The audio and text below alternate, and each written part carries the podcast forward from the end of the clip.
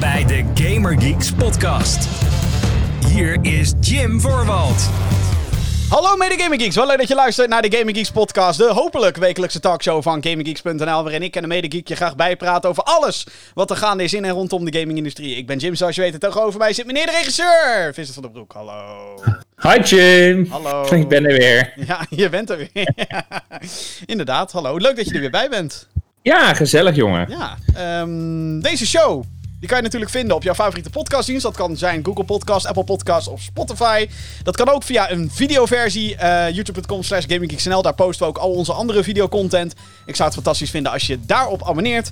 En voor dat allemaal gecombineerd met nog meer gaming nieuws... ga je naar GamingGeeks.nl. Zeg maar onze base of operations als het gaat om gaming content. Hè? Zo, volgens mij heb ik nog nooit zo snel die introductie gedaan. Datum van opname is 2 november 2020. En het is de 149ste aflevering van deze show. Ehm Ja, de haast die zit er waarschijnlijk in omdat je heel veel te bespreken hebt. heb echt- En je wilt het allemaal in een uurtje tijd wil je dat voor elkaar krijgen. zo te merken heeft Vincent een schema vanavond. Nee hoor, nee maar helemaal niet zelfs. En zo te merken gaat dat schema helemaal naar de knoppen. Nou ja, nee. Achter, achter, achter de schermen zegt Jim altijd... Ja, die show, ik moet hem echt een uur doen. Ik moet hem echt een uur doen. Dat klopt wel, ja. ja. Ik, Meneer, meneertje lang van stof. ik weet het. Ja, maar een uurtje vind ik gewoon de heerlijke soort van magische grens of zo. Dat is niet te lang voor een show als deze, maar ook niet te kort. Ik denk dat als je maar een half uurtje zo'n show doet, dat mensen dan weer zeggen... Weet je wel? Ik weet dat er, dat er luisteraars van deze show zijn die zeggen hoe langer hoe beter. Van hé, kan je niet een keer een podcast van een vijf uur doen of zo? Nou, rustig, weet je wel. Dat te veel van het goede, denk ik. Maar goed, ehm, voordat we eh, eh, officieel daadwerkelijk gaan beginnen aan, eh, aan deze show... want er is ontzettend, inderdaad ontzettend veel te bespreken. Ik bedoel, op het moment dat we dit opnemen... staan er mwah, een paar next-gen consoles op het punt te releasen. Mwah. Je wel, is weer een van de grootste games aller tijden is weer uitgesteld. Mwah. Dus niet heel veel aan de hand, zou ik maar zeggen. Maar ehm, eh, even de elephant in the room. De, de huishoudelijke mededeling, om maar zo te zeggen. Deze show is er iets van drie weken uit geweest. Hè, ik, ik, ik zei aan het begin al voor de grap van... Hé, hey, eh, de hopelijk wekelijkse talkshow. Ehm, maar ik wil het daar toch eventjes over hebben. En dat komt... Ja, omdat- Jim. Ja, klopt. Jim, what the fuck, gewoon. en, dat, en dat komt omdat ik... ehm, en, en ik heb daar een heel dubbel gevoel over. Omdat ik ontzettend veel reacties heb gekregen op YouTube. Op alle vormen van social media. Zij het de Discord, zij het mijn Twitter, zij het mijn Instagram zelfs. Dat ik denk, hallo, ik ben een boomer. Wat doe je op mijn Instagram? Weet je wel, maar goed, whatever. Eh, volg me, doe het, leuk. Ehm, van, hey, waar blijft nou de nieuwe podcast? En ehm, ik denk dat het handig is om een paar dingetjes even op een rij te zetten. Zodat mensen weten waar ze aan toe zijn, zeg maar. Eh, kijk, de Gaming Geeks podcast is iets dat doe ik echt voor de leuk. Ik vind het fantastisch leuk om dit te doen. Elke week eh, als het lukt. En daar gaan we al. Eh, hè, met jou kletsen over games. Ik, ik, ik lul graag over videogames. Ik praat er graag over. Zeker als er gek nieuws is gebeurd. En een beetje, hè, een be- beetje roddelen, theoriseren over wat er eh, gekomen gaat. Of hoe een game gaat zijn en bla bla bla. Soms zitten we er keihard naast. Soms hebben we het hartstikke juist. Ik denk dat hè, zeg maar de, de moi-reactie die Vincent en ik hadden op Avengers vorig jaar op Gamescom. Weet je dat nog? Nou, ik denk dat we daar best wel gelijk in hadden achteraf gezien. Ehm, maar waar ik eigenlijk op neer wil komen is dat Gamer Geeks aan zich is eigenlijk een vrijwillig hobbyproject. Wij doen dit gewoon omdat we het heel leuk vinden. En eh, soms is het gewoon eenmaal zo dat het leven in de weg komt te staan. En eh, dat je het... eh, Vincent die kijkt nu met zo'n blik van... Oh god, daar gaat hij weer, deze jongen. Het leven komt in de weg staan, jongens. nou, laat ik- Mag deze ook op een toekomstige bingo kaart? het leven komt in de weg te staan. Hij noemt zich en een boomer. En Ja. in, diezelfde, in diezelfde 10 minuten komt ook het leven nog eens in de weg te staan. Echt, deze man. Oké, nou, la- laat ik het dan zo zeggen. draag, me, draag me weg. Som- Soms moet je prioriteiten stellen. Is dat beter? Ja, dat, dat, ja. Ja, nou, kijk, weet je wat het is? Kijk, ik denk dat eh eh eh, Johan... Jim wilde gewoon heel graag ergens anders radio maken. Dat ook, zeker. Ja, ja dat ook. Ja, nee, kijk. En ergens anders games weggeven. Dat doen we niet hier, dat doen we op andere kanalen. doen we op Kink. Elke vrijdagavond tussen 9 en 11. Kink Energy op Kink. Ehm, nee, nee, nee. Maar, maar even, even zonder gekheid. Kijk, een, een, ik bedoel, ik werkte natuurlijk ook gewoon. Jij werkt naast Gamer Geek. I- ieder, elke Gamer Geek werkt naast Gamer Geek, zeg maar. Gamer Geek is niet ons werk. Mochten we willen, denk ik. Ik bedoel, ik, eh, als we hier goed geld mee zouden kunnen verdienen, zeg maar. Als we hier ons brood mee zouden kunnen verdienen. Mwah, ik zou ervoor in zijn. Vincent denk ik niet zozeer, maar Jawel, jawel. die zou er... Maar eh, dan doe ik daarnaast nog heel veel andere opdrachten, want Precies, Vincent ja. wil gewoon nog meer poen. Het is een commerciële hond, is het. Vincent is de talpa van de Gamer Geek, zeg maar. nee, maar ehm, eh, ik bedoel, werk is ontzettend druk eh, in het najaar. En ik denk dat eh eh, Gamer Geek Johan, die ook in de gamesindustrie werkt overigens, die kan het beamen dat het najaar een beetje een soort van hel is. En eh, nou goed, dat hele COVID gebeuren, dat helpt ook niet, kan ik erbij zeggen. Ehm, en inderdaad, Kink. Ik doe sinds een maand maak ik radioprogramma's op Kink. En daar kwam de afgelopen eh, twee weken kwam daar de Kink 1500 bij. De lijst met alle beste muziek ooit gemaakt. Eh, dus ik zat ineens. ehm, eh, voordat ik het wist, zat ik ineens elke avond tussen tien en half twee. Zat ik op de radio. En dan kan je je misschien voorstellen dat even een podcastje er tussendoor. Ik had er trouwens alle intenties voor. Ik had sterker nog, ik had een andere versie van aflevering 149, zeg maar, die nooit is opgenomen. Had ik allemaal voorbereid. En ik het allemaal. Kwam er allemaal niet van, want ik wist niet of ik het ging redden om en de podcast op te nemen. En dan in één keer naar de studio te rijden. Om daar. Weet je al, dat soort shit. Is alleen maar stress en paniek. En. eh, Maar, maar als je wel interesse hebt in Wacht even. wa- Wacht even, wacht even, wacht even. Wat zei je? Oh god, ik hoor je niet meer. Kut. Vincent! Oh man, man, man, man.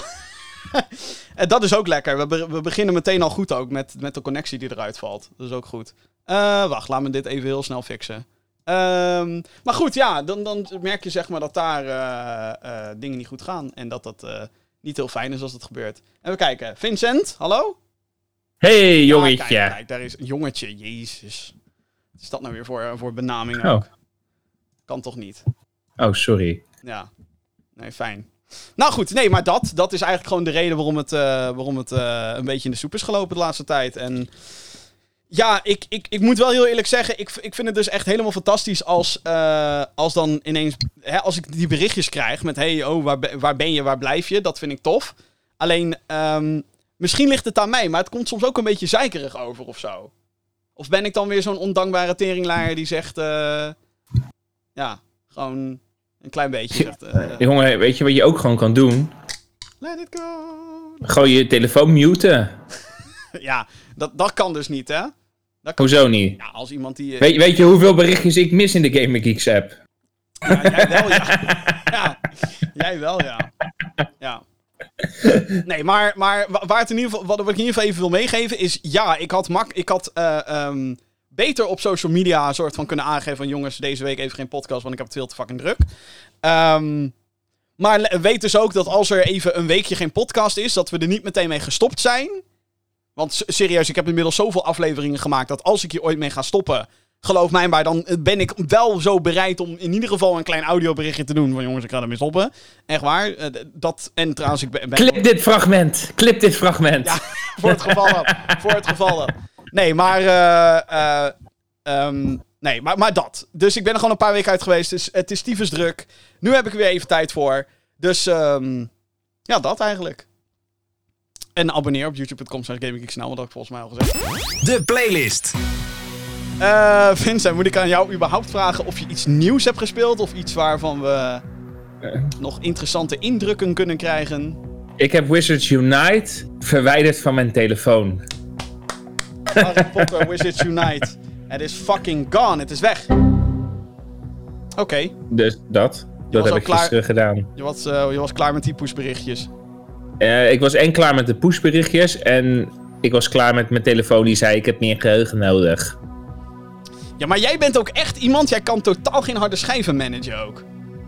Geen harde schijven manager. Vriend, Nee, nee, Ik heb elke gewoon keer als ze echt- zeggen, kom wacht we, even Jim. laten we een game Even- met z'n allen spelen. Mijn, laatste, mijn laatste project. Mijn laatste project.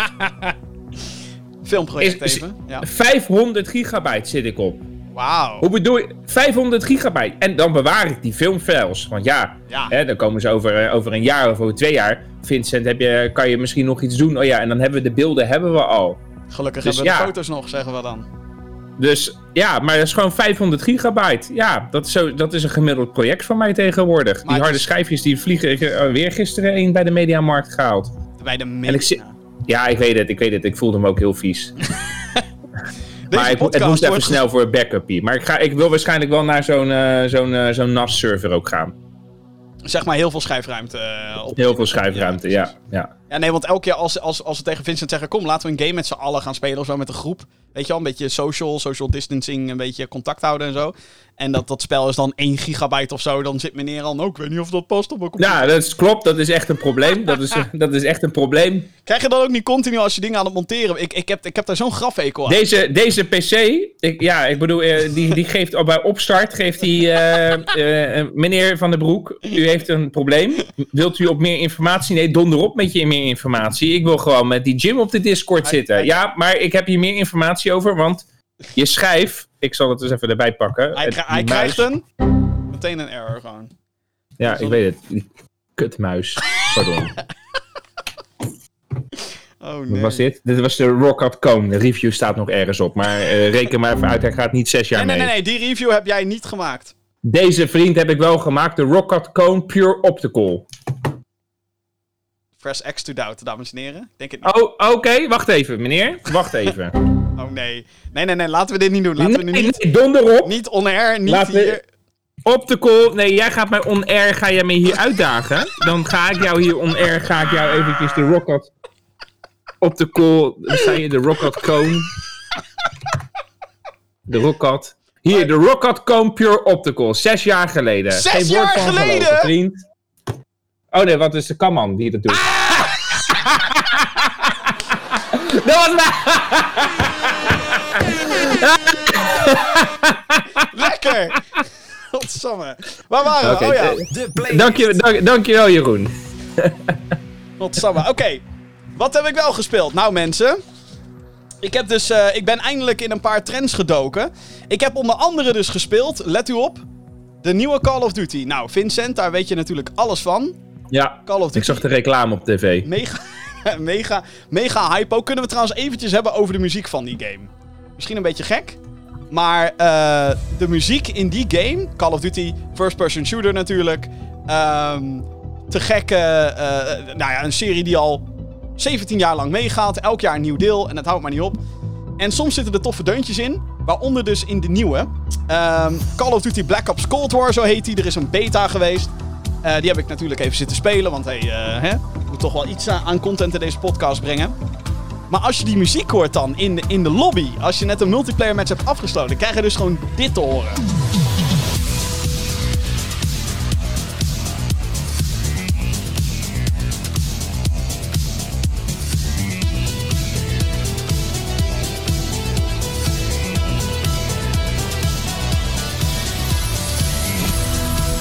Nou, ik weet niet hoe het met jou zit. Maar ik vind dit dus echt te gek. Qua muziek dan. Maar goed, Jim. Nee, dit, dit klinkt wel leuk. Ja, hè? Jim, vertel, hoe is de echte game nou? Nou goed, er was dus een eh, multiplayer beta. Ik had al een beetje, eerder had ik al op PlayStation gespeeld. En toen kwam ik er heel pijnlijk achter dat eh, Jim met analoge sticks en controllers en shooters en zo, dat wilt echt niet meer. Eh, dus ik raakte al heel snel gefrustreerd. Dus ik was blij dat er ook een PC-beta was. Joepie. Ehm, dus ja, die heb ik ook even zitten spelen. Het was een multiplayer eh, beta, dus nog geen zombies mode. Nog geen singleplayer campaign. Eh, de game komt op 13 november uit, dus zo lang op het moment van opnemen eh, duurt het niet meer. Nog maar 11 dagen. Heel veel zin in. En ehm, ik moet zeggen dat ik eigenlijk best wel veel zin heb in deze game. Het is ja, gewoon de standaard Call of Duty gameplay die je eigenlijk kent. Alleen is het in dit deel zo dat, dat het wel iets langer duurt voordat je doodgaat. Of voordat jij iemand dood hebt. En dat vind ik eigenlijk wel fijn. Want alhoewel ik snap dat het tempo achter Call of Duty hetgeen is wat het Call of Duty maakt. Ja, ik vind het toch ook wel cool dat je een kans hebt dat als je beschoten wordt, dat je dan kan omdraaien en erop kan reageren. En dan nog een vuurgevecht kan winnen. Iets wat in, ehm, nou ja, heel veel Call of Duty's in ieder geval niet echt van sprake is. Alhoewel, ook hier is het natuurlijk zo dat als je niet meteen reageert op het eh, beschoten worden, dat je dan ook wel heel snel ligt. Ik bedoel, tempo moet gewoon hoog blijven in die game. Eh, maar eh, ja, qua level design vond ik het wel tof. Het is een, eh, een soort van alternatieve versie van de jaren 80. Dus er is een level in Miami bijvoorbeeld, die speelt zich af in Miami. Met neonlichten en je dat allemaal. en de politie-sirenes die dat typische Miami Vice gehalte een beetje omhoog helpen. Vind ik wel tof. En ehm, ja, de gameplay vind ik heel strak. Ik, ik heb gehoord dat er nogal wat kritiek is over de, de graphics en over de gameplay aan zich. Ik moet zeggen dat ik daar niet heel veel last van heb gehad. Ik vind het eigenlijk wel gewoon lekker spelen op dit moment. Ehm, ze hebben ook een paar dingen, subtiele dingen veranderd. Uh, een van die dingen is bijvoorbeeld hoe nu killstreaks werken. In de vorige Call of Duty games is het meestal zo dat als je bijvoorbeeld drie kills hebt gehaald, dan kan je een UAV inroepen. En dat is een, een vliegtuigje die gaat boven het level vliegen. En dan zie jij op de minimap waar iedereen is. Super handig natuurlijk, want je, hè, knowledge is power. Um, en, maar als je zeg maar voordat je drie kills had dood werd geschoten, dan ja, moest je gewoon weer een killstreak. Het zegt het, what's in the name. Dat hebben ze hier veranderd naar niet eens score streaks, maar dat hebben ze veranderd naar gewoon scoren. Dus um, of je nou doodgaat of niet, die shit reset niet. Nou kan je daar natuurlijk zeggen, hé, hey, dat is heel anders. En uh, hè, dan wordt uh, killstreaks maken wordt dan niet echt beloond. Is natuurlijk niet waar, want het aantal punten wat je verdient, dat telt mee aan de nou, killstreaks of scorestreaks of hoe je ze dan ook wil noemen. Hè, om die reinforcements in te roepen, zeg maar. En ik vind dat eigenlijk wel tof hoe ze dat gedaan hebben. Ik vind het wel leuk dat ook gewoon noobs, zoals ik, een keertje de kans krijgen om in ieder geval één keer per match de, de lauwe shit in te kunnen roepen. In plaats van dat het een soort van unicum wordt. En dan kunnen zij dat ook een keertje meemaken. En ik. Dus uh, ik vind dat wel heel erg tof. En, en, ja, verder vind ik gewoon de game cool. Het is wel heel standaard, maar ja, dat hoort erbij, denk ik. Dus ja, heel benieuwd naar 13 november Call of Duty Black Ops Cold War. Klinkt niet alsof jij onder de indruk bent, uh, Vincent. Error. Error. Error? Oh god. Jezus, Vincent! Nou goed, ik ga gewoon door met de volgende game. Dat maakt dan ook verder niet uit. Ehm... Nou, gelukkig heb ik nog meer games gespeeld, jongens. Uh, namelijk ook, ik ben weer op de, ik heb, uh, ik ben op de hype train gestapt. De hype train van Hades. Hades is een game die wordt de laatste tijd, um, nou, is best wel een hype. Terwijl we ondertussen luisteren naar hoe Vincent probeert zijn mic te fixen. Ik vraag me af of dat binnen anderhalf uur nog gaat lukken. Maar Hades is een, uh, een game die wordt gemaakt door Supergiant. En dat is een studio die kan je kennen van onder andere Bastion, die kan je kennen van uh, Transistor, van. En dit is dus een nieuwste game. Is al een tijdje in early access op de Epic Game Store.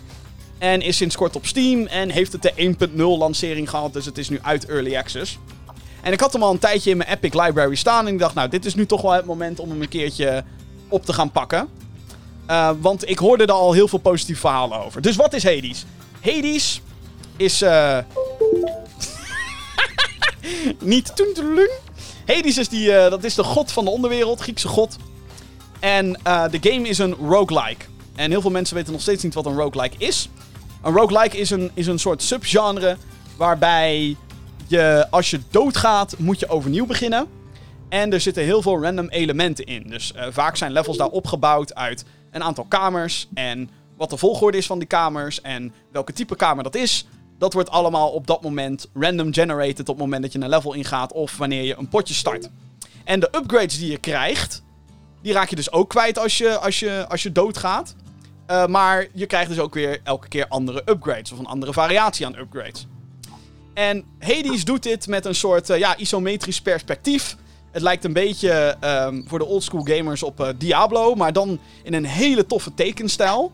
Echt een hele aparte artstijl die er ontzettend goed uitziet. Daarnaast ook trouwens een killer soundtrack. En het speelt gewoon ontzettend lekker. Dit is nou zo'n game die je zonder moeite gewoon even lekker kan spelen. En dat is iets wat die roguelikes vaak net niet goed hebben. Dan, heel vaak hebben roguelikes... Kijk, wij hebben een first-person shooter roguelike. En dan is het oké, tof. Maar dan is het schieten net niet zo tof, weet je wel? Maar in Hades hebben ze dat zo ontzettend goed gedaan... dat ik... Um... Vincent, ben je er al? Hey! hey! Ja, ik denk dat Jeroen mijn computer gehackt had, omdat hij uh, oh. boos was over die muis. Oh, oké. Okay. Nee, maar serieus, die muis waar ik het net over had, God. die heeft dus denk ik nu gewoon een USB-poort gefried aan de voorkant. Oh jee. Nou, het wordt tijd voor een nieuwe computer, dames en heren. Insert lachbandje. Nou ja, ik weet niet of dit om te lachen valt, maar... Uh... Klinkt best serieus. Maar ik ben er nog. Mooi. Oké, nou, eh Hades in ieder geval. Eh, Ja, prachtig.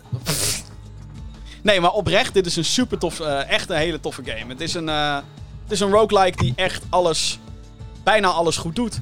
Wat ik vooral heel tof vind aan dit spel is hoe het, ehm, hoe het zijn verhaal vertelt. Want het is natuurlijk best gek om een verhaal te schrijven rondom een game waarin je continu doodgaat en continu overnieuw begint.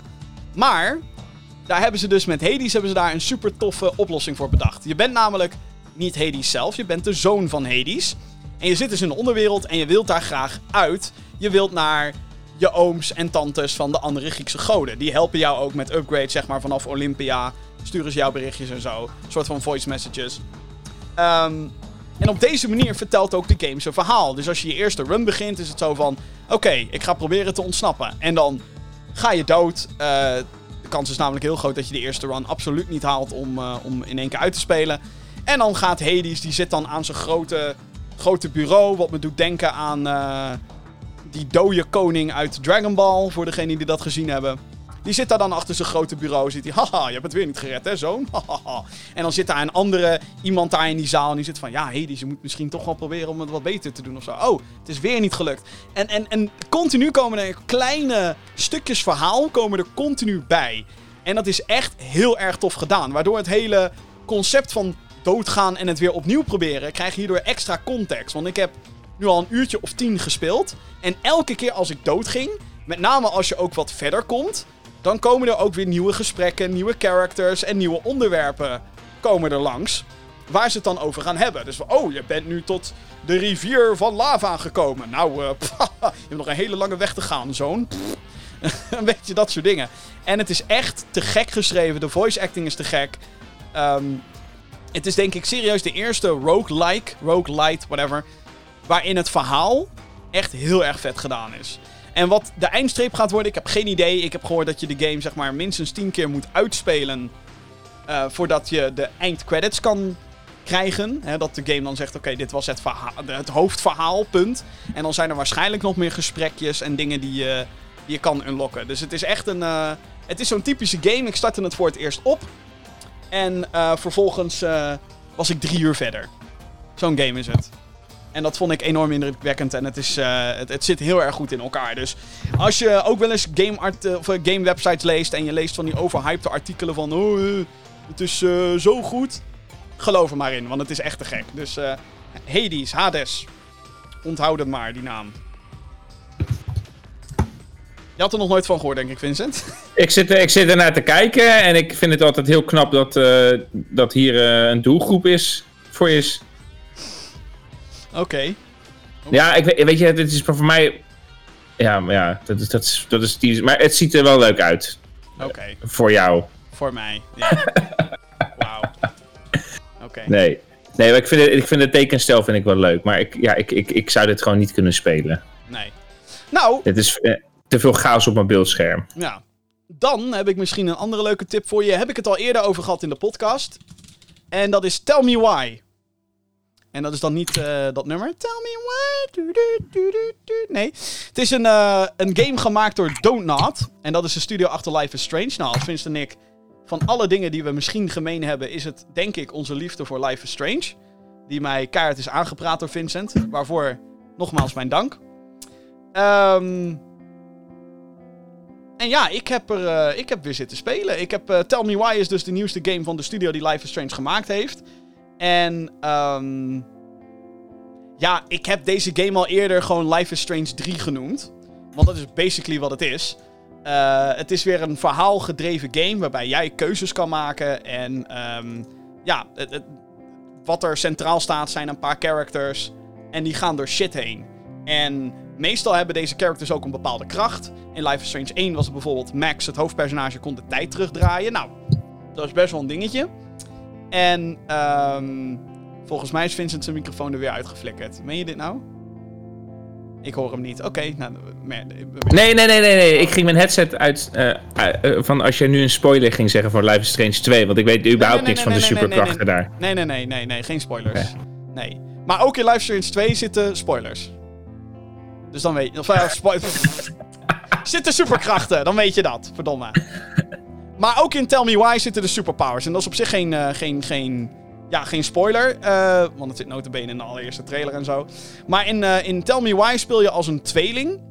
waarvan er eentje een, een, meisje is en de andere een jongen. Alleen die jongen is niet altijd een jongen geweest.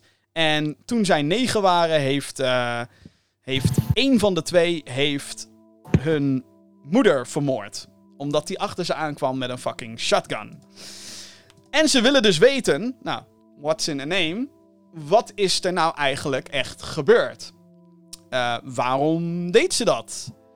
En omdat ze heel lang uit elkaar zijn geweest, wat logisch is, want één daarvan wordt natuurlijk beschuldigd van wat er is gebeurd.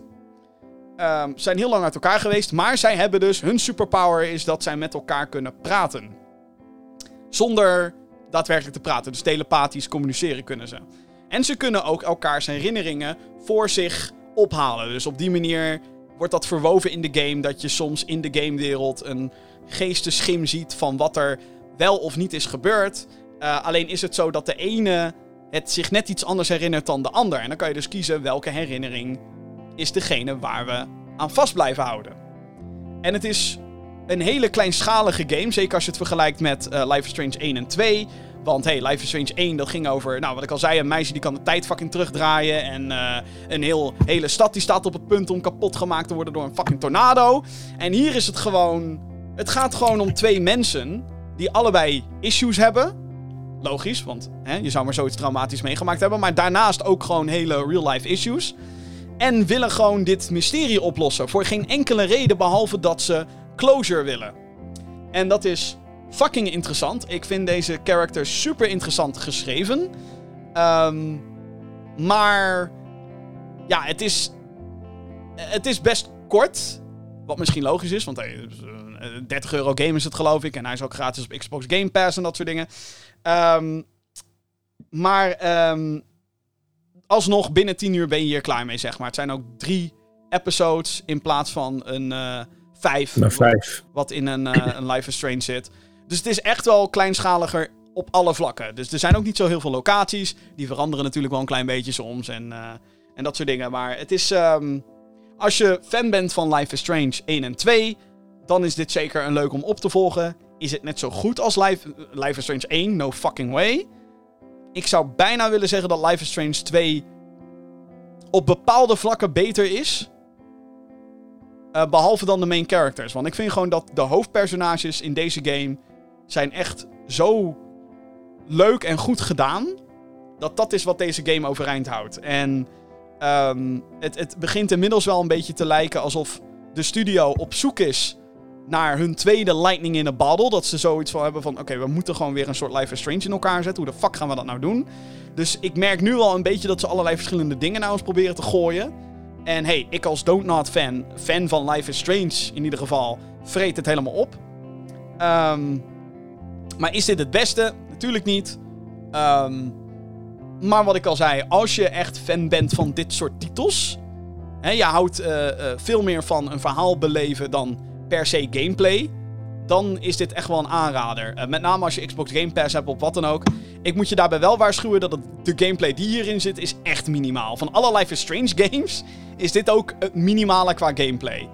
En ik weet ook niet in hoeverre je echt invloed hebt op het verhaal. Want het leek wel heel erg alsof alles wel één bepaalde richting inging. Wat ik heel jammer vind. Want het is wel, juist met dit soort games is het tof dat jij kan bepalen hoe dingen eindigen. Dus je, hè, wij hebben ook eindeloze discussies gehad over het einde van Life is Strange. En voor welke ben je gegaan? Er is een eindkeuze. En het lijkt wel alsof die hier, die eindkeuze heeft hier niet heel veel impact op de algehele boodschap of de algehele wat er überhaupt nou echt gebeurt. Dus het is ehm, een beetje een mixed bag. Maar omdat ik heel erg heel veel affiniteit heb met dit soort shit, vind ik het fantastisch. Ja, ik zit er zo'n beetje doorheen. Te, het ziet er wel echt heel leuk uit. Ja, het is wel echt een. eh, ja, Waar speelt het zich af? in een, eh, in een klein eh, be- onderbesneeuwd dorpje in Alaska. Ja, precies, dat Dus dacht ik wel. Dat zeg ik, het is, het ja. is dus nog kleinschaliger dan het kleine Arcadia Bay, zeg maar. Ja, precies. Maar die vibe heb je wel. Mhm. Ja, heel erg. En dat wordt ook heel goed neergezet. En dat vind ik, ehm, het, het, het politiebureautje, ongetwijfeld een schooltje, denk ik. Dat soort. eh, ik Ja, ik vind dat- maar- Ja. Nee, nee, snap ik. Maar ik zie nu even wat dat ze op een pontje zitten en zo. Maar dat ziet er echt super dope uit. Dus eh, Heel leuk. aanrader. Aanrader, aanrader. Tell me why. Ik heb dus uitgespeeld deze week. Jij vroeg me de vorige keer welke games ga je nou elke keer uitspelen, Jim. Het is gedaan. Tell me why ik Kijk. heb gespeeld. Dus, Nou, en ik heb, eh, ik heb Life is Strange 2 gekocht. oh, ja, en, oh, nou nou. Heb je al gespeeld? Nee, want anders had hij op mijn playlist gestaan. Oh ja, ja precies. Oké. Nou. Duidelijk, duidelijk, duidelijk, duidelijk. Zometeen in de Gamer Geeks podcast. Uitstel! Overal! Overal is uitstel gaande. Hoe of wat, we gaan het er zo meteen met je over hebben. De kansspelautoriteit van Nederland die gaat EA keihard beboeten voor FIFA. En een. ehm ja, nou, er is eigenlijk te veel gebeurd. Amazon gaat naar de kloten, meer Netflix shit. eh, nou ja, goed. Genoeg in ieder geval. En natuurlijk, jouw mailtjes beantwoord. Heb jij een vraag voor deze show? Laat het mij weten via podcast.gamergeeks.nl. Dat is het mailadres podcast.gamergeeks.nl.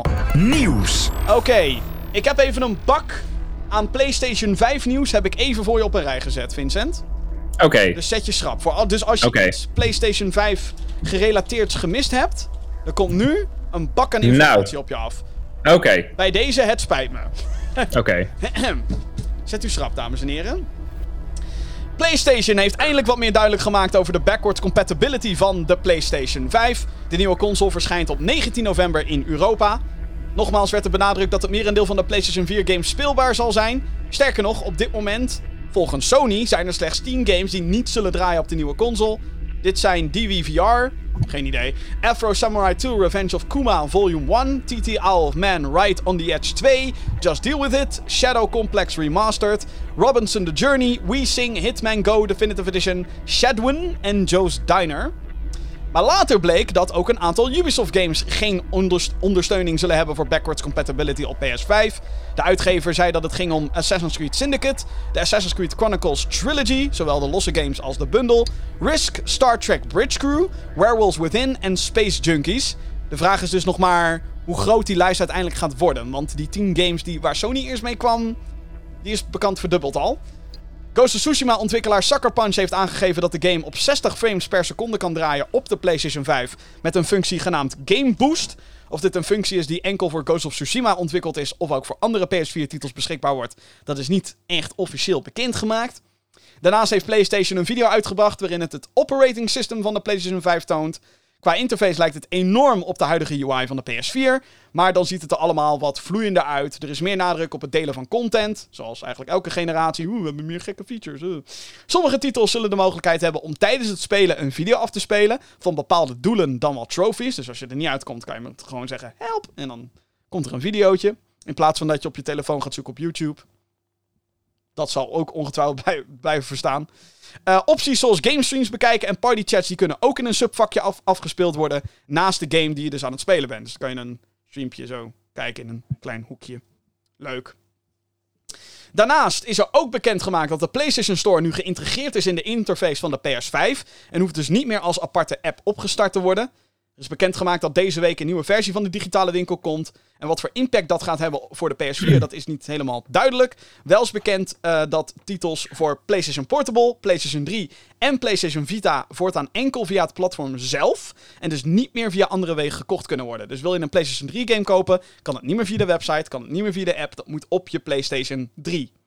Vandaag werd nog bekendgemaakt dat cross-gen titels geen ondersteuning zullen krijgen voor VR-modi op PlayStation 5.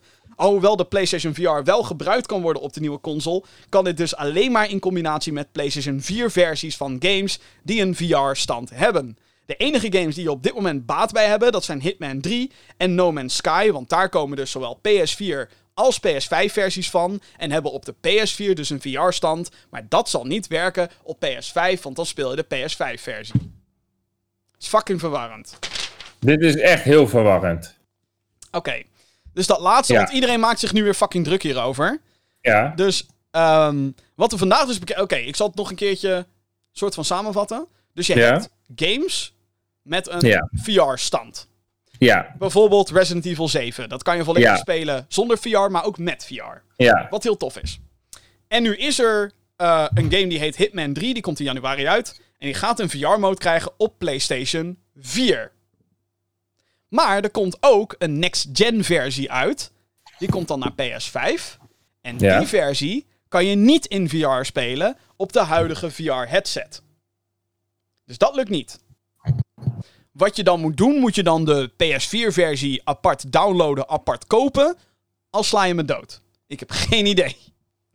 Oké. Uh, en een ander voorbeeld is No Man's Sky. Daarom de- benoemde ik die ook. Die heeft nu een versie op PS4 met VR-support, virtual reality. Maar daar Ja. komt een PlayStation 5 versie van. Dat is ook een gratis upgrade. Er komen allemaal nieuwe foefjes en, en, en dingetjes bij. Het ziet er eerlijk gezegd heel tof uit. Maar de VR-stand kan dus niet op PS5. Met de huidige PlayStation VR headset. Die is gemaakt voor PS4. Dat. Maar oké. Ja. Waarom zou je. Ja. Ja. Waarom, ja. Waarom zou je dan überhaupt dat ding meenemen naar je PlayStation 5? Waarom doe je dan niet gewoon van. Ja, sorry, werkt niet? Ehm, nou ja, omdat dus de, eh, de PlayStation VR in principe dus werkt. Dan moet je wel een dongeltje bestellen ook. Dat kan bij PlayStation. Dat kan je gratis bestellen. Heb ik gedaan. Voor op dit moment. Ik heb hem ook aangevraagd. Ja, gewoon van, dan moet je een serienummer op de achterkant van je PlayStation VR doosje moet je dan invullen op zo'n website en je adresgegevens en zo. Ehm, dus dat ding is al nodig om de PlayStation VR te kunnen afspelen op je PlayStation 5. En dat is eigenlijk puur en alleen maar gedaan zodat jij je PS4-content zoveel mogelijk kan overhebelen naar de nieuwe console. Maar goed, dus we gaan binnen nu en eh, niet eh, eh, al te lange tijd een nieuwe PlayStation VR-headset ook aangekondigd zien worden. Ik denk dat dat zeker nog wel minstens een jaar gaat duren. Ja? Ja, denk het wel. Ik denk dat je als PlayStation nu toch eerst even. ehm, wil- Even wil- dat ding wil verkopen. Exact. Je wilt toch wel eerst een soort van userbase hebben voordat je gaat zeggen: hey, hier is een peperdure, want dat ding gaat niet goedkoop worden. De nieuwe PSVR headset. Weet ik nu al, ook al weten we letterlijk nog niks van het ding. Ehm, dus dus ik, het lijkt me dat ze daar dat wel goed willen neerzetten. Weet je wel? Dat je zoiets hebt van: hey, dit is een apart ding waar je een PS5 voor nodig hebt. Het is wel Ja, precies. PlayStation Family. Hè? En, en, maar dat moet wel even goed doorontwikkeld worden. En het lijkt me ook dat mensen eerst een beetje met deze hardware willen klooien... voordat ze er met VR mee aan gaan klooien. Lijkt me. Ja. Ehm, en ja, wat voor VR-headset dat dan gaat zijn... Ja, het gaat een hogere resolutie hebben. Ik denk wel dat ze eindelijk een keer nieuwe controllers gaan doen. Want eh, VR-motion controllers zijn van de fucking PlayStation 3. Wat ik overigens alleen maar Ja, slim precies. vind. Dat ze die, eh, die- dat design gewoon... Oh ja, we gebruiken de PS3-dingen wel. Pff, who cares? Want ze werken ook best goed eigenlijk. Best goed, ze werken heel goed voor eh, wat, wat het is. En ik mag toch hopen dat de nieuwe VR-headset... Als er dan kabels bij betrokken worden... Dat het dan één kabel is. En dat is de kabel van de headset naar dat ding. Ik wil niet meer een fucking boxje... fucking er extra op aan moeten sluiten. Echt waar. Mijn, er staan een aantal consoles onder mijn tv. En het is een fucking chaos aan kabels door die fucking PlayStation VR. Want je moet dus een kastje hebben. Die moet aan de achterkant moeten via HDMI moeten erin. Maar ook via de voorkant. Want die, die kabel moet dan naar je fucking televisie. Dan moet er een kabel van de, van de voorkant moet dan in de USB-drive van dat ding. Dan heb je ook nog eens die kabel van die headset. Die gaat natuurlijk overal heen. Want je beweegt met dat fucking ding. Dan moet er ook nog een fucking PlayStation camera moet er aan de achterkant in via een aparte connector. Het is shit! Dus dat. Sony, Ja. l- zet maar, zet maar op, je, op, je, op je lijstje, designlijstje. Één draad of draadloos, anders niet. Draadloos zou heel dope zijn. Ja. Ik denk niet dat dat gaat gebeuren, maar who knows. Als Oculus Quest het kan, met de Oculus Quest 2, dan wie weet. Maar ja, verder. eh, jij hebt geen PlayStation 5 gepreorderd, hè? Nog even voor de- Nee, zeker niet. Ik, eh, ik dus wel. Eh, ik heb er veel zin in. Ehm, ja, dat eigenlijk. Zin om Spider-Man te gaan spelen. Zin om wat? Spider-Man. Spider-Man. Oh ja. Uiteraard. Spider-Man Miles Morales. Nog maar eh 17 dagen op het moment van opnemen. En dan gaan we die unboxing zien. Hoe hij met dit aardappelschilmesje dat ding open gaat maken als een bezetene. Nou, dat vind ik dus wel een beetje kut. Dat er nu al zoveel unboxings zijn van motherfuckers die wel belangrijk Ja, maar zijn. jij het vindt hebben. het ook leuk om te doen. Dat is waar. Ja, ik vraag me wel af hoeveel mensen het dan nog leuk vinden om mij... te- Ah, oké, laat maar. Moet, moet, moet ik misschien niet zeggen. Moet ik misschien niet zeggen. Maar goed, eh, eh, andere th- thoughts over, eh, over al dat nieuws wat er is gekomen. Dus Nee, niet echt. Ik heb mijn PlayStation VR headset afgelopen weekend uitgeleend. Zo vaak heb ik hem gebruikt. afgelopen weekend. Dat ding ligt Ja. al jaren ergens anders. ja, nee, nee, nee, hij lag ergens anders. Toen heb ik hem teruggekregen. En sinds dat hij naar die persoon toe is gegaan en dat die persoon hem afgelopen weekend weer heeft komen ophalen, heb ik hem niet gebruikt. Oké, oh ja, oké, duidelijk. Oké, ja, nee. nou, PS5, Nee, next Ja. gen. Woehoe. Zin in, denk ik. Cyberpunk 2077. You're breathtaking. Yeah. Oh, oh, oh, oh, oh, oh, oh, oh, oh. Het was een beetje drama afgelopen week. Een aantal grote titels zijn uitgesteld. En de hype. Ja, oké. Dit komt natuurlijk vaker voor, maar nu lijkt het wat heftiger en meer last minute te zijn dan wat we normaal zien als het gaat om uitstellen. Laat me eerst even door de andere titeltjes heen gaan. Allereerst is de titel Outriders uitgesteld. De game stond gepland om eind dit jaar uit te komen, maar is verschoven naar 2 februari 2021. De game is een third-person shooter met RPG-elementen en bevat verschillende klassen met allerlei abilities, aparte abilities om mee te kunnen spelen en klooien. De game komt naar PC, PlayStation 4, PlayStation 5, Xbox One, Xbox Series S/X en Stadia. Alhoewel die laatste versie wat later komt. Destruction All-Stars, een PlayStation 5 exclusive, die op de planning stond voor de lancering van de console, is ook opgeschoven. In deze game speel je als een character in een wagen. Tijdens een potje moet je in een arena-setting andere wagens kapot rammen. Maar mocht je voertuig kapot gaan, dan kan jouw personage dus nog rondlopen om andere voertuigen over te nemen of uit te schakelen. Ook deze titel is verschoven naar februari. Sterker nog, de game wordt die maand onderdeel van PlayStation Plus, het, eh, de abonnementsdienst van PlayStation. Gamers die de titel hebben gepreorderd, die krijgen hun geld terug. 70 euro terug. Kan je weer een ander spel kopen. Netjes. Netjes. Dit was er, trouwens wel echt het beste wat ze voor die game konden doen. Want niemand had het hierover. Niemand, nobody gave one fuck. En om het als PlayStation Plus titel dan uit te brengen, dat is een goede move. Want zo, sterft het niet, zo sterven die servers niet in eh, twee minuten uit. Dus. Ubisoft heeft twee games uitgesteld. Het gaat hier om Far Cry 6 en Rainbow Six Quarantine. Quarantine. De eerste stond gepland voor februari voor de, eh, en de tweede voor het eerste kwartaal van 2021. Vanwege problemen rondom COVID-19 zijn beide titels vertraagd naar het tweede kwartaal van volgend jaar. Dus Far Cry 6 laat langer op zich wachten. Kutzooi. En als laatste, daar is die, is Cyberpunk 2077 nog een keer uitgesteld. De nieuwe open world RPG van CD Projekt Red, bekend van de Witcher games, zou eerst in april uitkomen. Dat werd uitgesteld naar september. Die werd vervolgens weer verschoven naar november. En nu is de game wederom drie weken vertraagd. De nieuwe voorlopige datum voor de game is 10 december. En komt uit op, gaan we weer, PC, PlayStation 4, PlayStation 5, Xbox One, Xbox Series X/X en Google Stadia! Ja. Ja, dit was. eh, eh, het internet jankte. En het internet wiept. Zeg maar. eh, om Ja. het nieuws dat we nog langer moeten wachten op Cyberpunk. Ja, dat snap ik wel ergens. Wel als je er al voor betaald hebt. Nou ja, wat, wat, wat deze wel frappant maakt, is dat CD Projekt Red tot de dag voordat het bekend werd gemaakt, Ja. nog naar mensen had getweet van nee, hij gaat niet meer uitgesteld worden. Je kan vrij nemen als je dat wil doen. Eh, want mensen hadden gevraagd, yo, ik neem nu dagen vrij. Je weet zeker, ja, we weten het 100% zeker. Sterker nog, de game was gold. Wat inhoudt dat eh, de diskjes naar de printer gaan en dat de game in principe dus af is. Alleen kennelijk willen ze nu nog meer tijd alsnog om eh, de Day One patch beter te maken. De geruchten gaan over het internet dat de problemen vooral liggen bij de PlayStation 4 en de Xbox One. Zo van, holy shit, hoe gaan we dit überhaupt draaiende krijgen op die dingen? Soepel, soort van. Ehm, en natuurlijk komt met dit gebeuren komt ook weer de nodige dosis drama komt erbij. Ehm, mensen hebben het over het overwerken van eh, de werknemers van CD Projekt Red. Mensen hebben weer doodsbedreigingen gestuurd naar CD Projekt Red. En als je dat hebt gedaan, fuck jou, je bent een debiel. Zet deze podcast alsjeblieft af.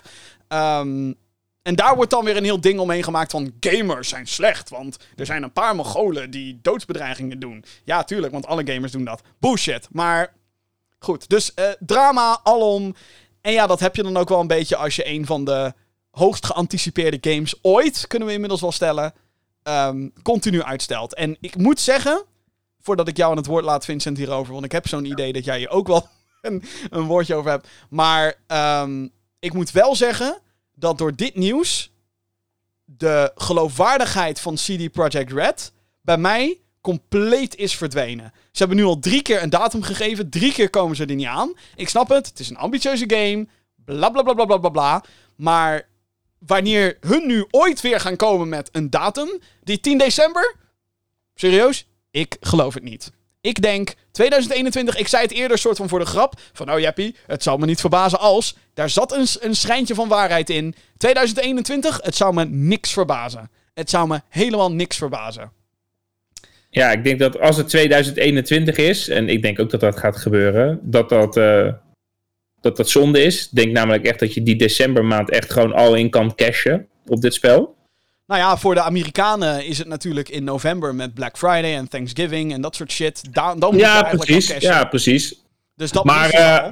Ja, maar het was inderdaad zelfs de geruchten dat die 10 december, daar zijn ze nou nu te- na- na- binnen in het bedrijf zelf zijn ze daar ook niet eens zeker van op dit moment. Nee. Want dat is natuurlijk alweer een soort van vervolg deadline. En, en nou ja, Jim en ik hebben hier afgelopen week hebben we hier al over gesproken. Kijk, op zich is hè, dat hele uitstelgedoe, ja, weet je, dat kan gewoon gebeuren. Alleen waar ik een probleem van maak, en dat is dat je dus op een of andere manier in jouw hele, hè, in jouw hele, he- hele stuk, ik heb ook deadlines. En ik moet die deadlines moet ik ook halen. Want eh, het is iemand anders een, eh, geld wat ze aan mij hebben uitgegeven. In dit geval ook. Er zijn pre-orders zijn er aangeschaft. Dus ergens hebben mensen al betaald voor je product. Waar ze op zitten te wachten. Anders moet je geen pre-orders doen, denk ik. Want anders heb, eh, je ook niks te verwachten als gamer. Ik bedoel, als je geen pre-orders doet en je doet geen pre-orders de wereld uit. dan betekent ook dat jij gewoon zelf beslist wanneer jij een product de wereld uit gaat sturen. Maar ja, weet je, er zijn nu al mensen die er gewoon al geld voor hebben gevraagd. Of nou, ervoor Ja, vrij hebben genomen. Nou ja, dat de- is dan je eigen risico. De Collector's Edition, I kid you not, Ja, heb ik vorig jaar bij de E3, heb ik die al gepreorderd. ja. En Nou, nee, dus ja, maar dus... Juni Dus de- 2019 had ik er al 200 euro voor neergelegd. Ja, ja, maar dat is dus dat, hè. Dus er ligt gewoon... Er is al geld uitgegeven door veel mensen. En ik denk dat daar, in mijn, in mijn ogen, eh, daar, zit het, daar zit het probleem, het extra probleem van deze situatie. En daardoor is dit bedrijf ook gewoon niet heilig meer in zijn, in, hier, hierin. En denk van, ja, weet je, ja, mensen hebben er geld voor betaald. Dan zeg ik niet dat ze dan daarom een kut game moeten afleveren of iets in die richting. Eh, maar eh, daar komt, is dus waar, waar ik heen wilde gaan met mijn verhaal.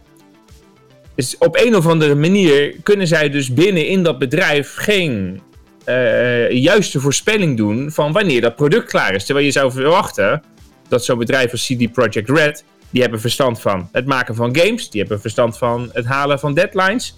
Eh, eh, we zitten nu eh, zeven maanden in coronatijd, dus je weet inmiddels wat de invloed van corona op je hele proces is en, en, en wat voor een, een, een fuck-up dat kan zijn.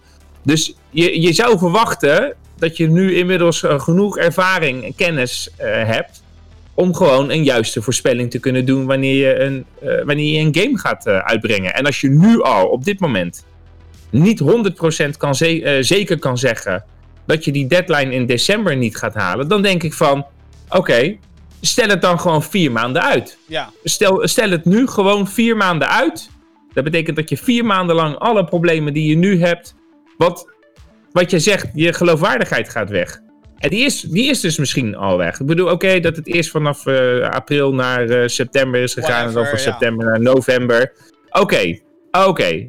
September, november. Maar nou ga je het dus één maandje doen. En ik vind dan zo'n zo'n één maandje. En wat, wat Jim dan zegt, drie weken vertraagd. Dan denk ik van ja, wat de fuck is dan drie weken? Dan kan je dus in drie weken kan je het dan wel fixen of zo. Dus Nou stel ja, gewoon... ik, ik, ik weet wel uit, uit ervaring, en ik weet dat de Last of Us developers hadden ook de Last of Us 1 toen de eerste, zeg maar 2013. Gewoon de eerste release van de eerste Last of Us. Die hadden toen ook volgens mij die game met maar een maandje vertraagd of zo. Maar als ik hun verhalen moet geloven, heeft dat wel echt gewoon de game van goed naar heel goed gebracht. Omdat, ze, omdat je dan juist die kleine teringetjes kan fixen die continu ophopen als je aan het Ja, spelen bent. En Ja, dat is ook zo. Maar hoe vaak was dat dan uitgesteld, dat spel?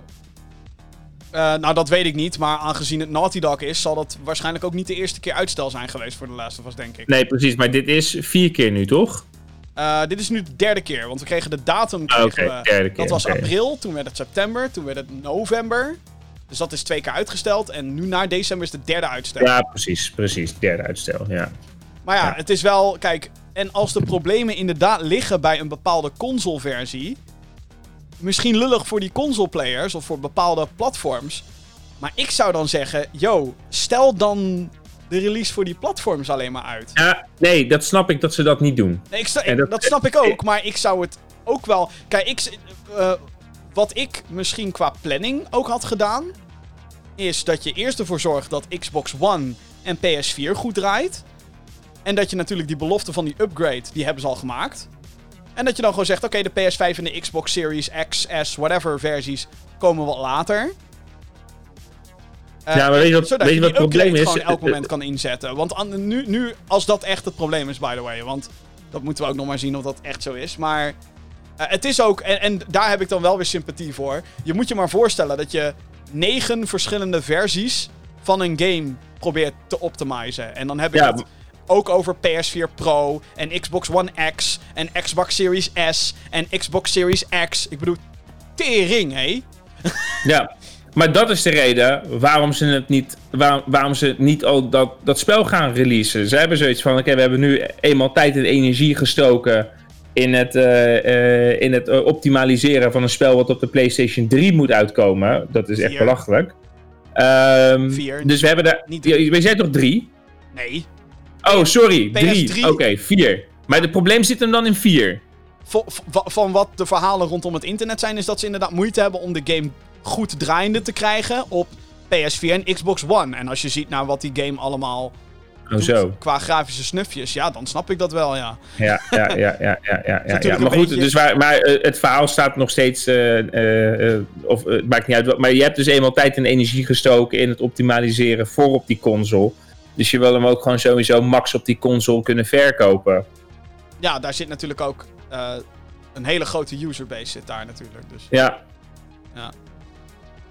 ja, ja ik... eh, Nou ja, dus het is, eh, het is de vraag of ze die 10 december gaan halen. Ik denk het ook niet. Ik denk het ook niet. Ik denk het echt niet. Ik denk dat, dat ze er misschien nog beter toe doen ook door... En, en dat, maar dat is dan weer kut, is dat ze dat eigenlijk meteen al hadden moeten zeggen. Want jongens, we hebben Ja. goed nieuws. De game gaat dit jaar gewoon niet halen, punt. Nee. Maar dat je dan ook En- gewoon en- meteen en- kan zeggen... En, dit is de fucking datum. Gewoon, Ja. hier is een fucking video van hoe het er nu uitziet. Weet je, weet ik veel. Gewoon... Het, het was ook weer zo'n lullig Twitter-berichtje, weet je wel, met dat, met dat typische kadertje met die tekst erin. Van hé, we, hebben iets je te- we hebben je iets te vertellen. En het is zo, inmiddels kennen we het wel. En het- sterker nog, het is nu een meme, zeg maar. En je wilt niet die kant op gaan. Want we, we hadden het er al over, je geloofwaardigheid is gewoon compleet naar de kloten. Ja.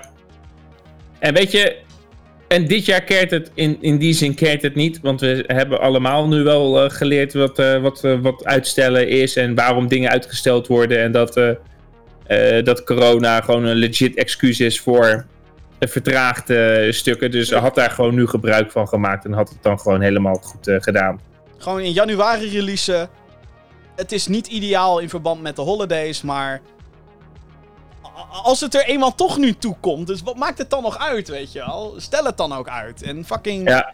eh, Maar, de- maar even, dat is eventjes om dat eh, de, nog eventjes eh, te verduidelijken. Dat heeft niks te maken met dat wij willen dat die game in januari uitkomt. nee. Het heeft te maken met dat zij dus nu op dit moment ook niet met 100% zekerheid durven te zeggen dat de game op 10 december uitkomt. Daar zit het een punt in. Dat hebben zij online hebben zij dat duidelijk gemaakt dat zij dat nu niet eh, voor 100% eh, durven te garanderen. Zoals de mensen bij de Efteling mij ooit een keer hebben verteld bij de Baron. De enige, de enige zekerheid die die man had was dat zijn pizza s'avonds om 6 uur warm Zo. stond. En kwaad dat wij waren. dat fucking personeel, ja, dat was echt niet normaal. Dat zou je maar gezegd worden. Ja. Godverdomme. De hele, de hele dag al storingen met die kutbaron. Tijd is geld! Zoals de baron zou zeggen. Man. Nee, meneer, de enige zekerheid die ik heb is dat mijn pizza straks warm ik hoop is. dat die guy fucking Kaatsheuvel uitgestuurd is, verdomme. Wegwezen. Zo. Het was dat kut, hé?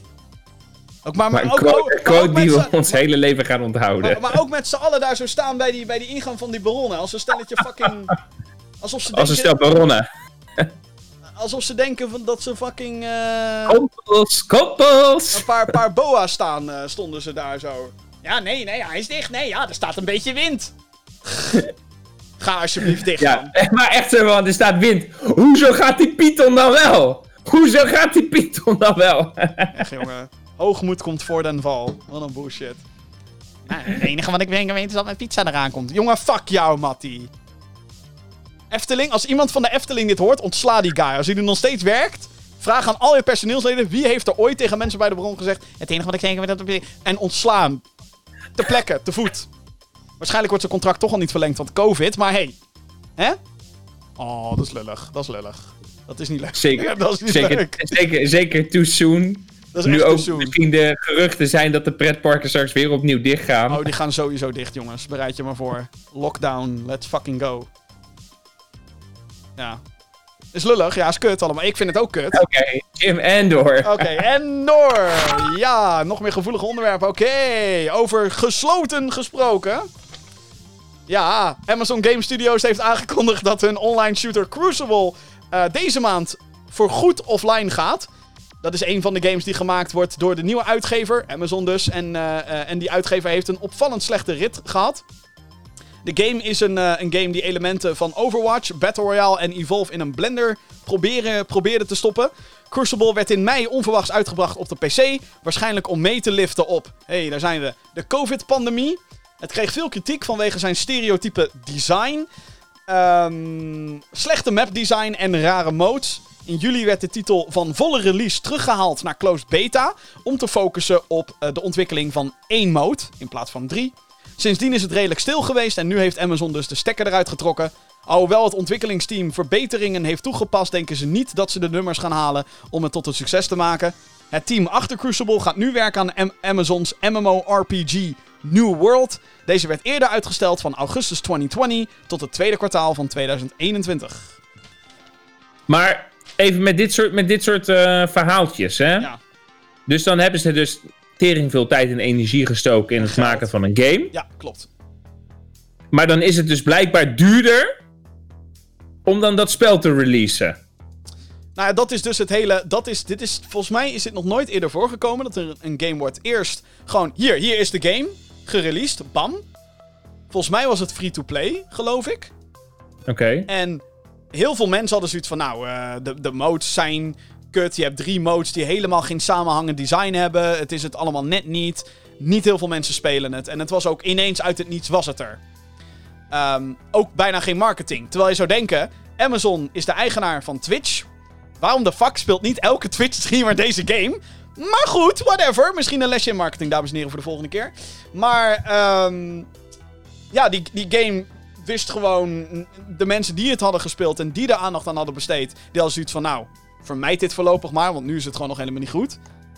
En dat heeft dus kennelijk als gevolg gehad dat ze zoiets hadden van... Nou, we brengen hem wel weer terug naar closed beta en dan gaan we eraan werken om het wel goed te maken. Maar kennelijk is vervolgens uit die playtests en zo weer gekomen dat ze zoiets hadden van... Ja, we zijn nu gewoon tegen een dood paard aan het trappen, want het gaat gewoon niet meer goed komen. En dan is het inderdaad goedkoper om gewoon te zeggen... Stop maar gewoon. We releasen het niet eens meer. Fuck it. Ga maar Ja, door naar bizar, hè? Ja, Maar het is wel een keer eerder voorgekomen. Dus dat met dat, eh, dat wannabe eh, Hunger Games gamepie. de Calling. Ja, daar was toch deel 2 was ook offline gehaald. Daar hebben ze uiteindelijk gezegd speelt deel 1 maar. Ja, ja, maar dat is natuurlijk dan net iets... Ja, nou ja, het is wel vergelijkbaar inderdaad. Ja, dat was ook een drama. Nee, dat ja. is nog erger. Dat was nog Je erger, maakt, ja. het, je maakt in deel 2 en dan zeg je vervolgens... Ah, fuck it, speel deel trekken één de maar. stekker eruit, speel deel 1 maar. Dat is iets wat, wat EA zou moeten doen. Of je FIFA 21 niet leuk speelt, FIFA 20 dan joh, lekker teringleier. Ja, nee, maar dit is gewoon... Hoe, maar wa- wat, ik me, wat, wat mij het meeste verbaast aan dit hele gebeuren... Hoe kan een partij en een bedrijf zo machtig als Amazon... Jim, stop. Hoe kan een bedrijf zo machtig als Google... Google Stadia! Ja, dat klopt, dames en heren. Ah, oké, dat komt misschien later nog wel. Ehm, ja, nee, precies. Nee, maar exact hetzelfde verhaal eigenlijk. Hoe kan dat nou, dat dit soort bedrijven dit soort fuck-ups maken? Wat ik net al zei, het was gratis marketingadvies, jongens. Je hebt een... Twitch is van Amazon en niemand op Twitch speelde, ook niet gesponsord of betaald. Nou, ik snap er geen tering van. Maar ja, dat is dan misschien ook wel omdat ze dan het vertrouwen zelf niet hadden in de game. Wat dan ook wel weer boekdelen spreekt natuurlijk. Als je een beetje gaat hopen van, nou, we hopen dat de spelers terugkomen, dan gaat het natuurlijk niet lukken. Denk ik. Nee.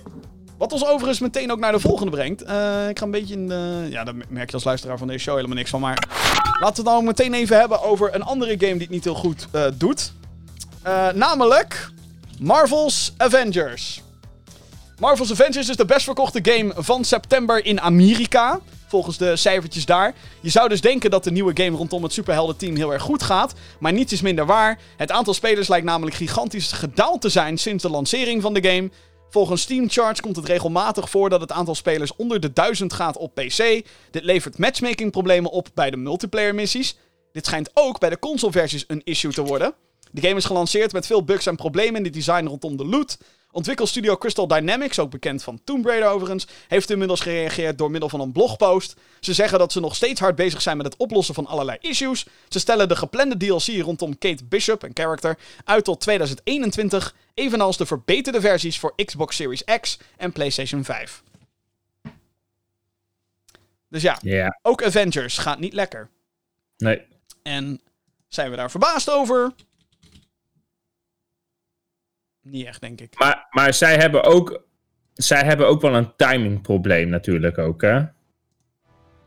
Is dat zo? Ja, tuurlijk. Er is helemaal, echt helemaal niks op het gebied van Marvel eh, nu. Er is überhaupt niet echt iets om ergens over te, over te hypen. Mm, Nou ja, ik bedoel, je maakt een game rondom Marvel's Avengers. Je zou denken Ja, dat zo'n... Ja, zo'n- maar het zijn de fake Avengers. Ja, Niemand is- wil die.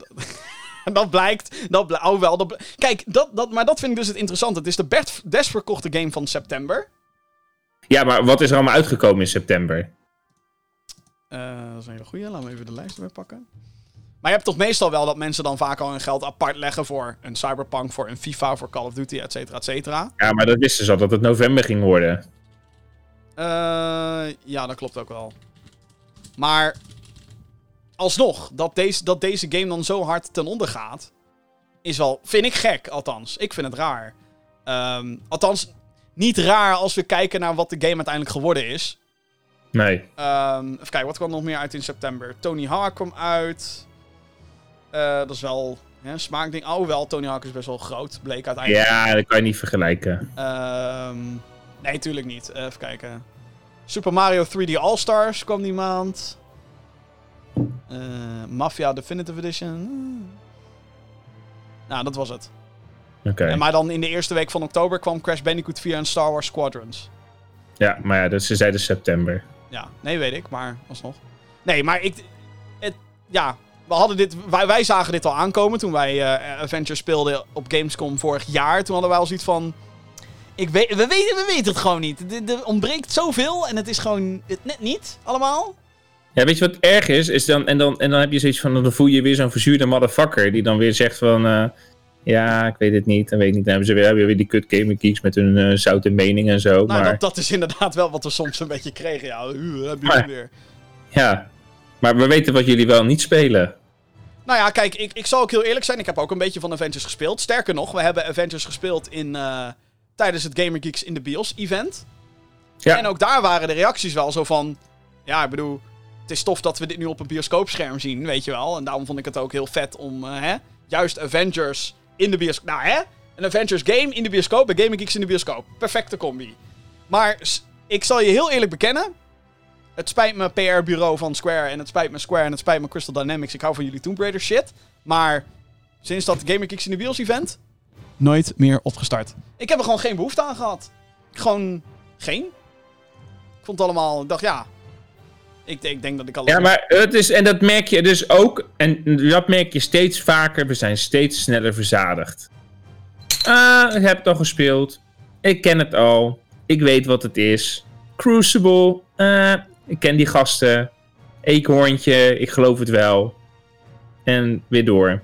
Nou, We zijn, denk, gewoon, we zijn gewoon echt verzadigd. Je wil gewoon iets nieuws. ik, denk, ik denk ook gewoon dat het probleem is, is dat dit soort games altijd richten zich op het zijn van een live service. En oh, we gaan DLC uitbrengen en blablabla. En ja, de issues die fixen we later wel. En dat is denk ik een, een, een attitude die helaas nog steeds beloond wordt. Want hey, de game is heel goed verkocht. Dus het Maar, maar denk je dat die game. Even, hè, denk je dat die game nu gefaald heeft vanwege de bugs?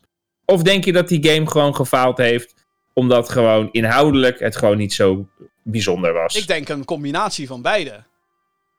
Kijk, de, de, de bugs waren niet eens het grootste probleem. Alhoewel die natuurlijk wel, hè, als je dan voor jouw gevoel de game een kans geeft. En dan krijg je Mhm. bugs. Dan raak je natuurlijk nog erg gefrustreerd. Maar wat mensen, waar, van wat ik gelezen heb, is wat gewoon het kutste is aan die game. Is dat je gewoon aan het grinden bent voor een rugwervel van Hulk. Die je niet ziet. Hè, of een armband van Miss Marvel. Die je niet ziet op het character. En wil je een nieuwe skin hebben? Ja, dan moet je kopen. Weet je wel? Een beetje, een beetje dat soort shit. Dus Ja. ik denk dat het de combinatie van die factoren is geweest. Dat mensen er gewoon heel snel klaar mee waren. Een beetje het Anthem gevoel. Zo van ja, Ja, de precies. eerste paar uur is leuk en daarna eh, heb je alles al gezien. En eh, ik ga niet al mijn tijd aan deze shit voldoen. Want ik heb al games waar ik hè, mijn standaard multiplayer fix mee heb. En dat kan dan zijn een Call of Duty Battle Royale. Dat kan zijn Destiny met zijn loot shit. Dat kan zijn een nieuwe game kopen, weet je al. Gewoon, eh, ja, ik ga wel aan de Crash Bandicoot. Dus het is. ehm, en, maar het doel van deze game was natuurlijk. Hè, van, ja, dit is een live service. Dus dit gaat jaren Ja. mee. En we gaan nieuwe content toevoegen. Bla bla bla bla bla. Dus het is ook een beetje wederom het beloof van. Nou, we gaan het allemaal beter doen, jongens. Nu ook weer. We gaan het allemaal beter doen. We zijn bezig met issues. We stellen de DLC uit. We stellen de nieuwe consoleversies uit. Komt allemaal goed. Ja. Nou, of het allemaal goed komt. Hè? Vraagteken. Zeg ik dan. Ja, precies. En dat is, dan, dat is dan jammer en dat is dan kut voor hun. Maar ja, didn't, say, eh, didn't want to say I told you so, but eh, I told you so soort van, eh Mattie. Hm? Weet je dat?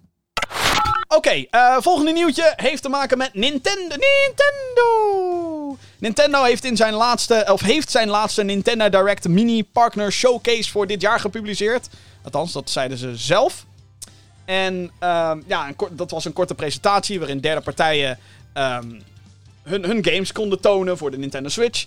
Na sports van Immortals, Immortals Phoenix Rising van Ubisoft, No More Heroes 1 en 2 eh, en No More Heroes 1 en 2 voor de handheld, werden er ook een aantal eh, nieuwe trailers getoond van bekende games, zoals ehm, die, die eh, Zelda spin-off, Hyrule Warriors Age of Calamity, die er eigenlijk best wel cool uitziet.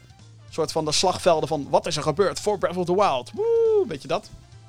Anyway, wat wel opvallend en nieuwswaardig was, eh, was de aankondiging van Hitman 3 en Control voor de handheld. Deze games kunnen alleen gespeeld worden door middel van de cloud.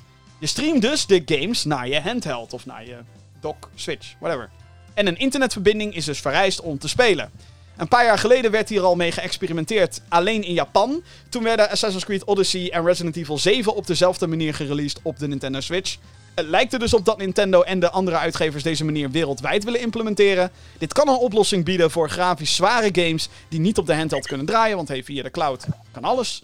Control is nu uit voor de Nintendo Switch en Hitman verschijnt in januari 2021. Ik vond dit een hele interessante ontwikkeling en het verbaast me eigenlijk dat niet meer artikelen en dingetjes hierover zijn verschenen. Want dit is eigenlijk een fucking geniale oplossing. Hey, The Witcher 3 ziet er niet uit op, op de Switch.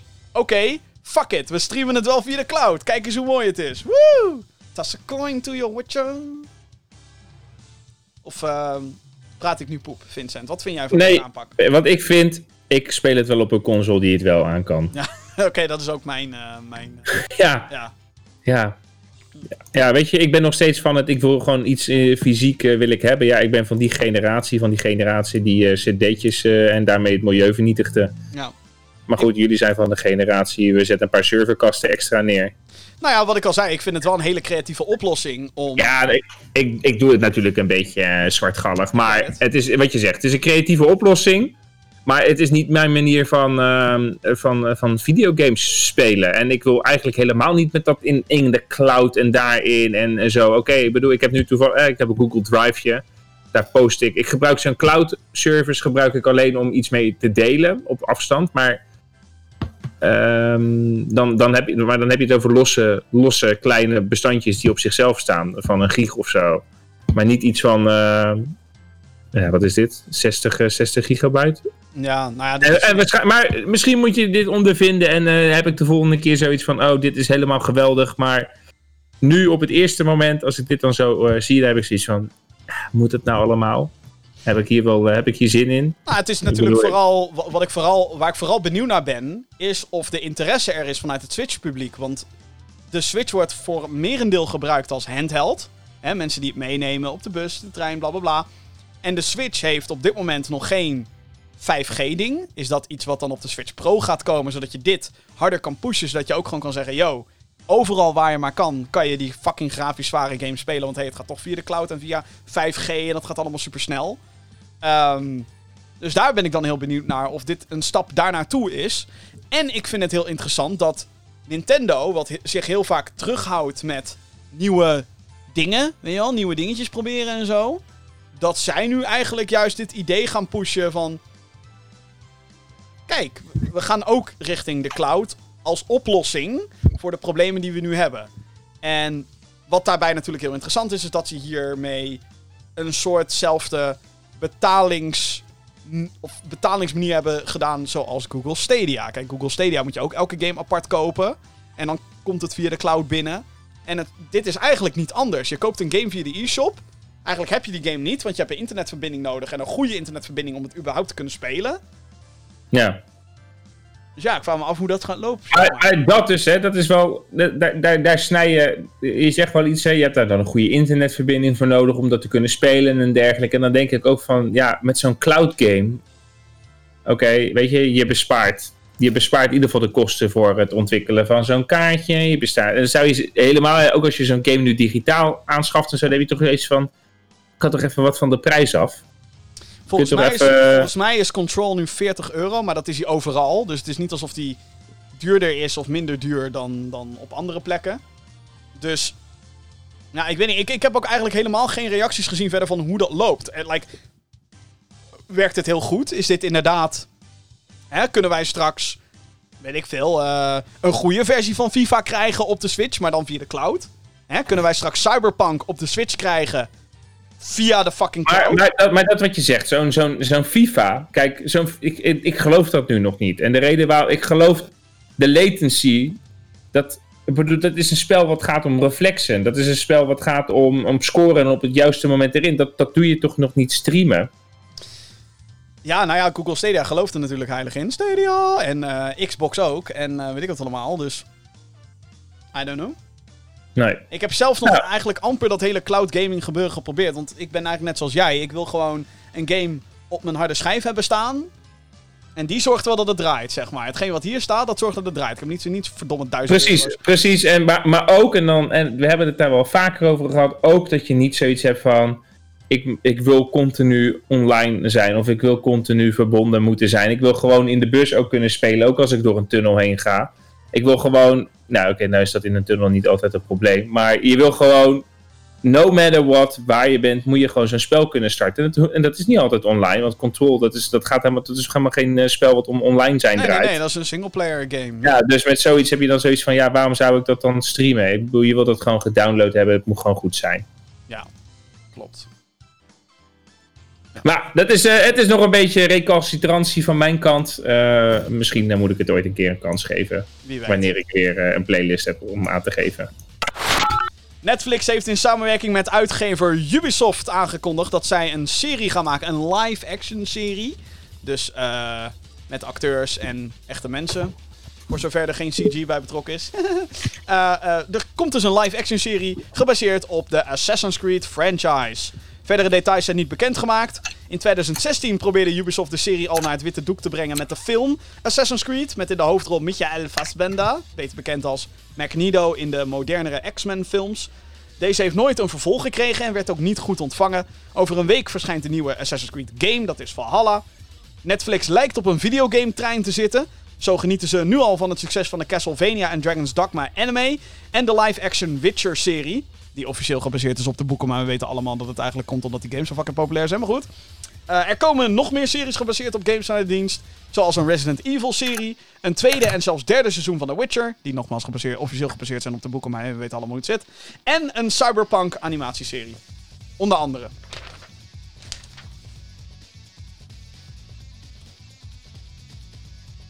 Ik had hem nog niet gezien, de trailer, maar het is alleen een logootje. Het is alleen een logootje met... Oké. en dan hoor je het aanlaatje. Ja. Oké, top. Nou, we gaan het zien. Ja. Wat vind je eigenlijk... eh, want ik denk dat hier... eh, ik zie een trend. Huh? Ik zie Ja, ik ook. Superheroes are out. Videogames are in. Er was ook Ja, al een foto nou. verschenen van Tom Holland als Nathan Drake eh, op de set van Uncharted. Mark Wahlberg met zijn dikke Sally-snor. Ehm, is, dit, is dit de volgende bioscooptrend? En wordt het een beetje goed? Nou, ik, eh, nou, ik hoop niet dat het een bioscooptrend wordt. Want de biosco- videogames die in de bioscoop komen, die zijn daar over het algemeen niet altijd eh, bijster. Maar ik denk, dat, ik denk, dat, ik denk dat, ze, dat, dat ze er goed aan doen om een, eh, om een serie te doen. Ik denk, kom dan maar op met die Fallout-serie. Dan kan je die naam kan je misschien weer zuiveren. Dat we weer zoiets hebben van, oh shit, ik wil een goede Fallout-game spelen. Ja, een beetje zoals wat, eh, hoe Star Wars nu de naam Ja. zuivert met de En. Bioshock, daar hebben we natuurlijk ook al gezegd. Dat lijkt, dat lijkt me ook gewoon nog steeds echt een, een, een, perfecte, perfecte format om daar, of een perfect verhaal om daar iets van, eh, van te kunnen maken. Life is Strange. Dat hebben we ook al vaker gezegd. Zei je ook zo. eh, Hoe de fuck is er na 13 Reasons Why geen Ja. Life is Strange serie gekomen op Netflix? Pak dezelfde fucking cast, breid het uit. Dat is ja, Netflix, wat ben je aan het doen? Doe Ja. het! Ja, dus eh, ja, ik, eh, ik geloof er wel in. nou. Ik, eh, nou ja, ik ben heel benieuwd. eh. en als je aan mij moet vragen welke Assassin's Creed game moeten ze dan vertalen, bla bla bla. Doe gewoon Ezio, doe, doe gewoon deel 2, Brotherhood en Revelations. Dan heb je een heel fucking pakket waar je meerdere seizoenen uit kan halen. Of als je echt de ballen hebt, begin bij Assassin's Creed 1 en ga gewoon al die shit vertalen. I don't fucking care. Eh, maar ik vind dat het hele zijverhaaltje en dingen proberen in dezelfde universe, maar het heeft dan net weer niet te maken met de games, wat ze ook probeerden met de films, dat gaat niet werken. Want toen ik die Michael Fassbender zag in die film, zeg maar de eerste screenshots die toen kwamen van de film, toen dacht ik, jij bent een perfecte Desmond Miles. Wat bleek? Hij was geen Desmond Miles, hij was een compleet ander personage.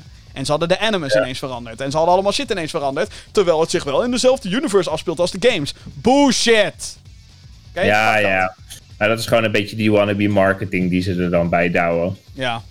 Ik weet nog wel dat wij Maar- er naartoe gingen en dat we zoiets hadden van achteraf. eh, Wat, eh, wat was het eigenlijk? Ja, het was, het was niet goed. Het was 14.000 overhead shots van. Oh ja, hij staat op een gebouw.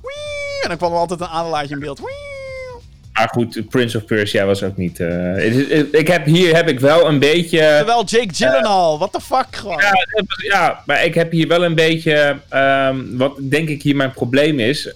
Is dat de samenwerking met uitgever Ubisoft.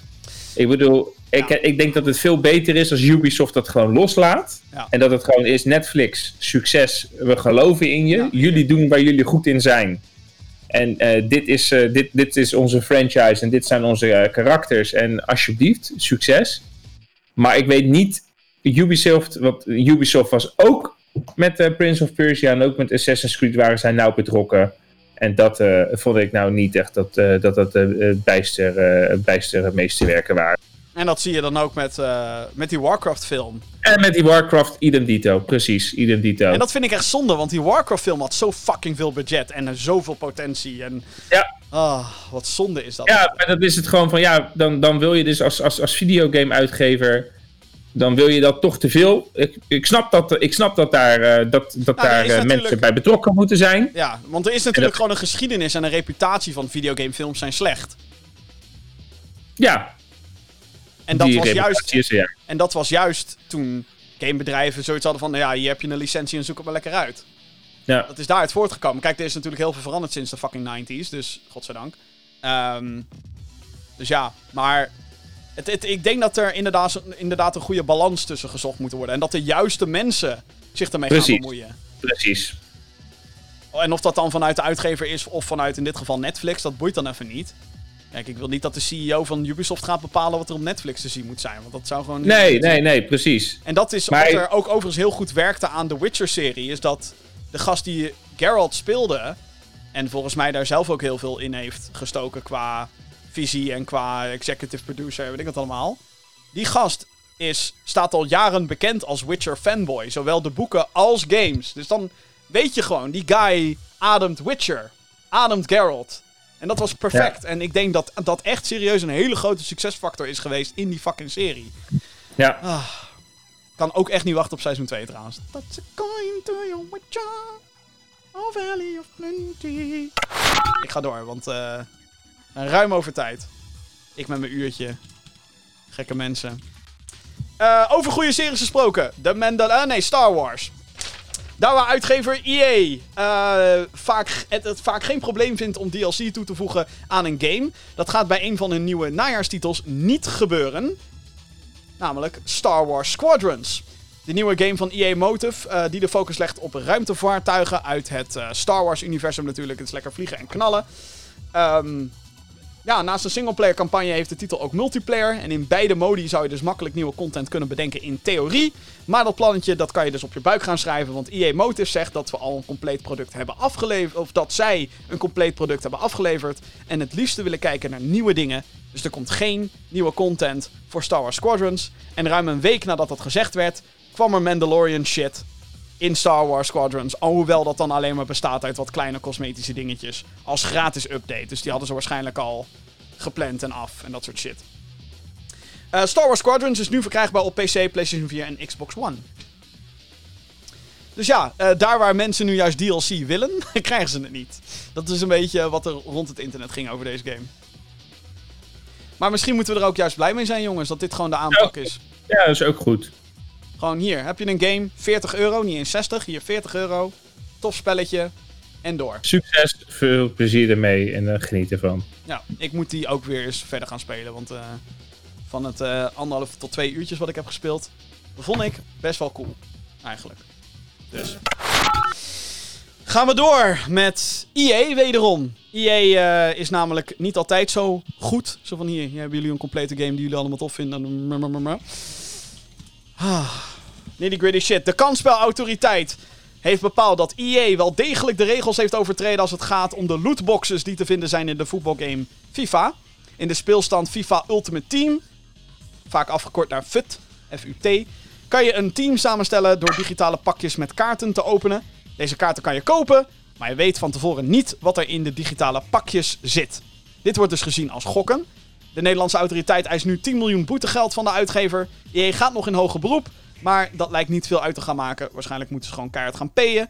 Onze zuidenburen in België zetten zich al langer in tegen lootboxes in games. Daar zijn ze nu eh, verboden, wat resulteert in bijvoorbeeld het ontbreken van de mogelijkheid om lootboxes te kopen in bijvoorbeeld Blizzard's Overwatch. Nou, top. Ja, Kom maar op. We moeten toch ergens dat corona-budget weer terugverdienen. Dus eh, als dat over de 10 rug van. EA gaat. hoppakee. Ja, ik, eh, ik vraag me... er- zijn natuurlijk nog niet echt regels eh, aangekondigd. Ik vind het sowieso bizar, als ik heel eerlijk ben, dat een game met duidelijke... Want ik ben van mening dat lootboxes gokken is. Je steekt Ja, ja. geld in iets en je weet niet wat je gaat krijgen. Het is allemaal maar... En het heeft een soort verslavings... Het heeft een soort gewoon een casino-element. Van, oh, krijg je wel Mhm. Ja. of niet Lionel Messi of Cristiano... Oh, kijk, je hebt... Virgil van Dijk heb je. Nou, wat geweldig. Je wilt er zeker nog eentje, want je krijgt een extra pling als je Virgil van Dijk Maar, maar eh, even, er zit natuurlijk. eh, ik ben het, ja, ik ben het met je eens. Alleen ergens. Ja, en dit is natuurlijk wel wat ik nu ga zeggen. Dat is, eh, dat is nog niet helemaal uitgekristalliseerd. Nou, oké, dan, dan ga ik even verder met mijn standpunt. ja. Want wat ik zeg maar complete bullshit vind, is dat er van de PEGI, hè, de, de Europese eh, Ja. rating, bla bla bla, 3 plus op de doos, zonder ook maar enige vermelding. Ja, tegenwoordig staat er ergens een klein tekstje van bevat in-game aankopen. Nee, nee, nee, nee, nee, nee, er moet gewoon op staan, fucking sowieso 3 plus. What the fuck, weet je wel? Bullshit. Op het moment dat je zelf dingen kan aanschaffen, vind ik dat die leeftijd sowieso omhoog moet. En dat er gewoon duidelijk op moet staan: bevat gokelementen. Punt. Of bevat lootboxes. Of wat voor fucking eh, term je er nu ook aan wil gaan binden. Want lootboxes is iets, is iets wat vanuit notabene Blizzard zelf is verzonnen. Overwatch, de lootbox, is volgens mij daar is het ontstaan. De naam. Ehm, maar hoe je het ook wil, wil noemen, ik vind dat het fucking duidelijk op die doos moet komen te staan. Ja, want het is maar- bullshit. Oké, maar dus bij mij. Hè, dus eventjes. FIFA. Heeft dus lootboxes, heeft erin zitten.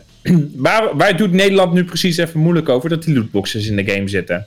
Over het feit dat er gokelementen zitten in een game. Hè, kansspelautoriteit.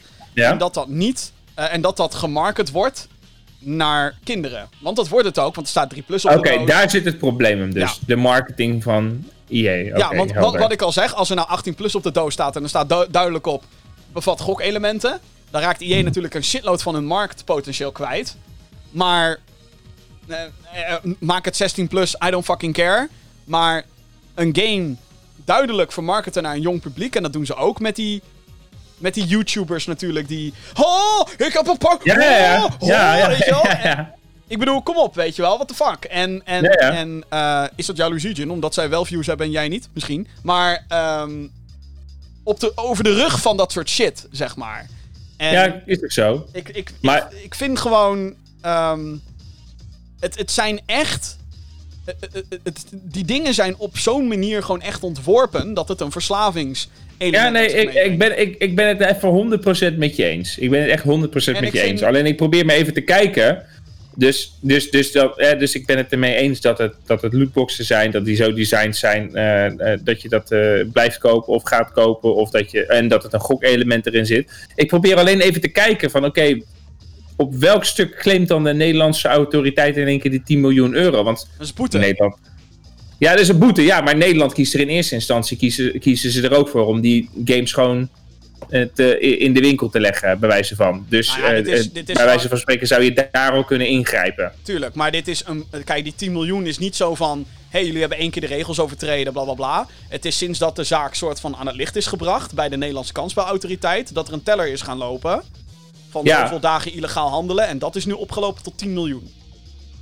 Ja, Dat is hoe ik het nu begrijp. En. Ja, precies.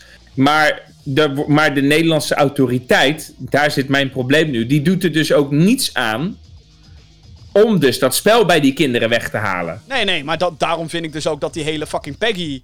moet ook aangesproken Ja, worden. Dus die- ja, dus, ja, precies. Dus daarin. Dus het is zo van, oké, Nederland, de Nederlandse kansspelautoriteit kan zeggen van, ja, zijn lootboxes 10 euro en handje omhoog houden.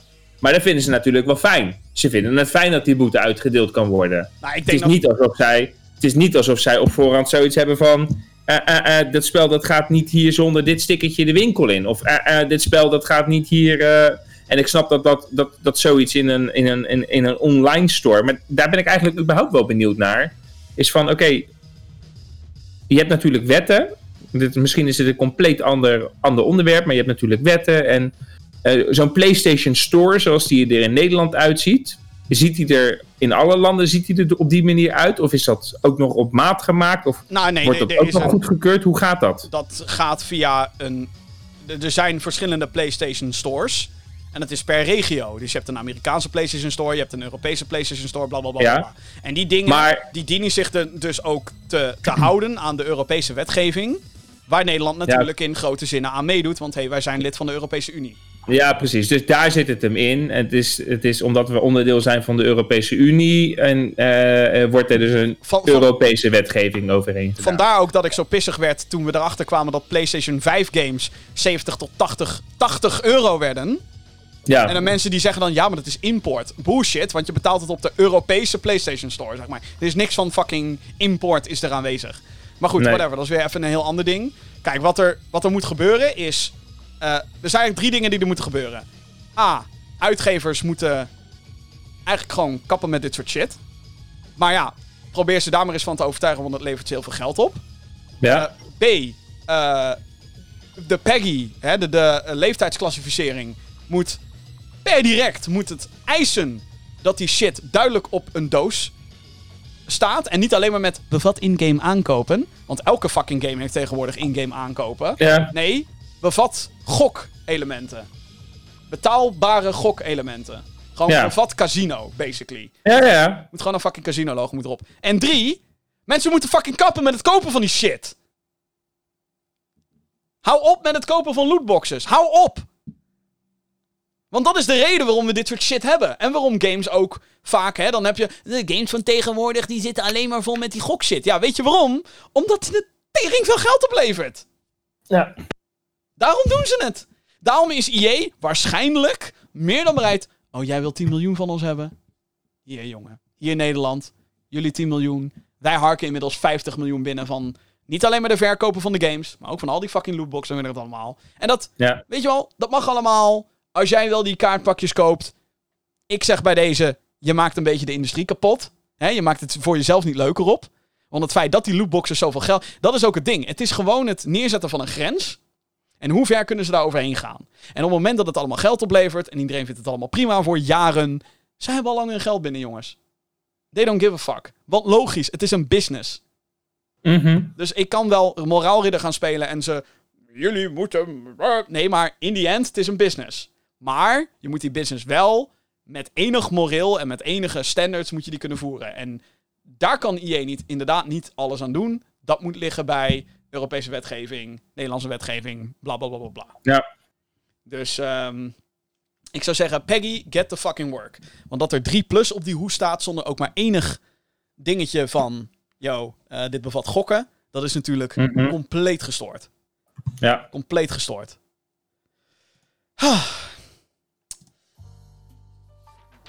Eh, ja, laten we dan even naar wat leuker, eh, leuker nieuws gaan.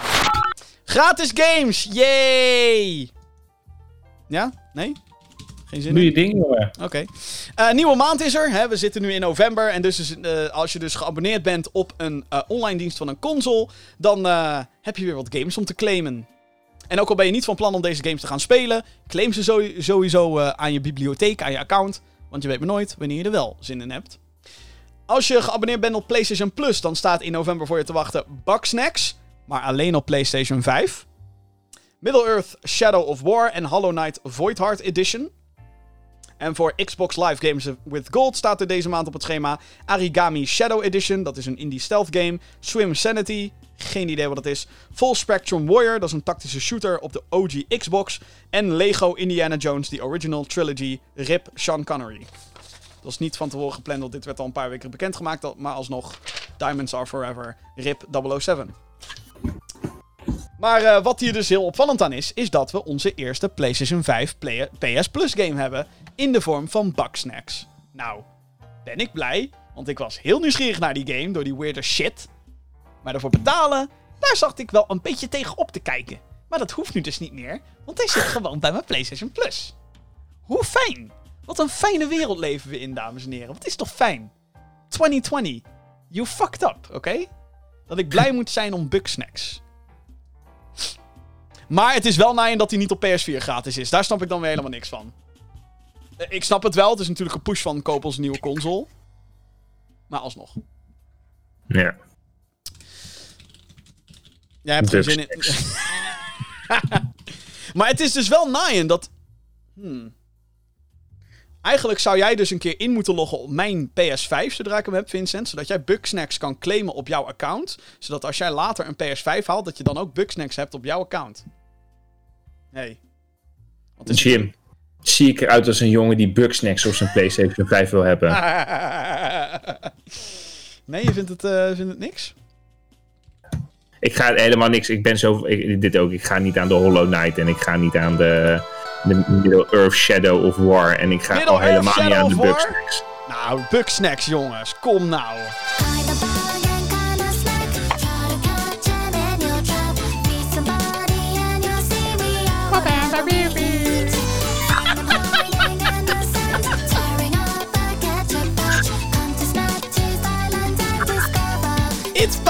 bargain,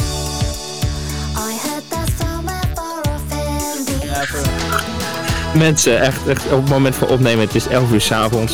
Ik heb een hele dag gewerkt en dit is wat ik nu in mijn oren hoor. Echt, echt. En ik ben al, ik, ik word met het, ik word met de minuut word ik zouter en zouter en zouter en zouter. En ik probeer die energie, ik probeer het op te houden. Ik probeer het echt op te houden, maar dit is mijn breaking point. dit, Jim, is mijn breaking point.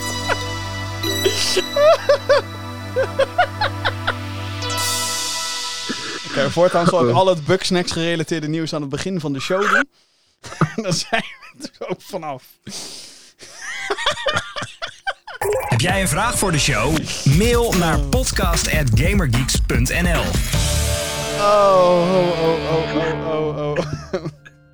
Het is wel een verslavend liedje. Het is wel heel aanstekelijk. Ja, het was prachtig. Echt, ik zet het morgen nog een keer op in de auto. It's Bugsnacks. Of je zet Kink gewoon aan in de auto natuurlijk. Ehm.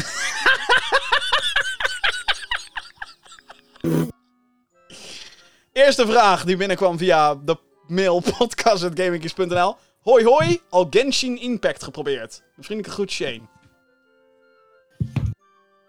It's Genshin. Wow, wow, Impact.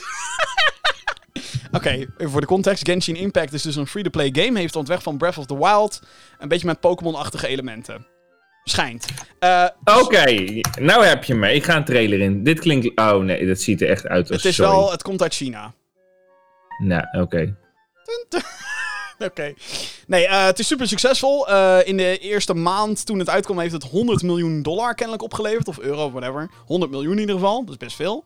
Lekker. Ehm, dus het gaat heel lekker. Ik heb het zelf niet geprobeerd. En eigenlijk heb ik het veel te druk voor die game. Het spreekt me ook qua stijl niet heel erg aan, als ik heel eerlijk ben.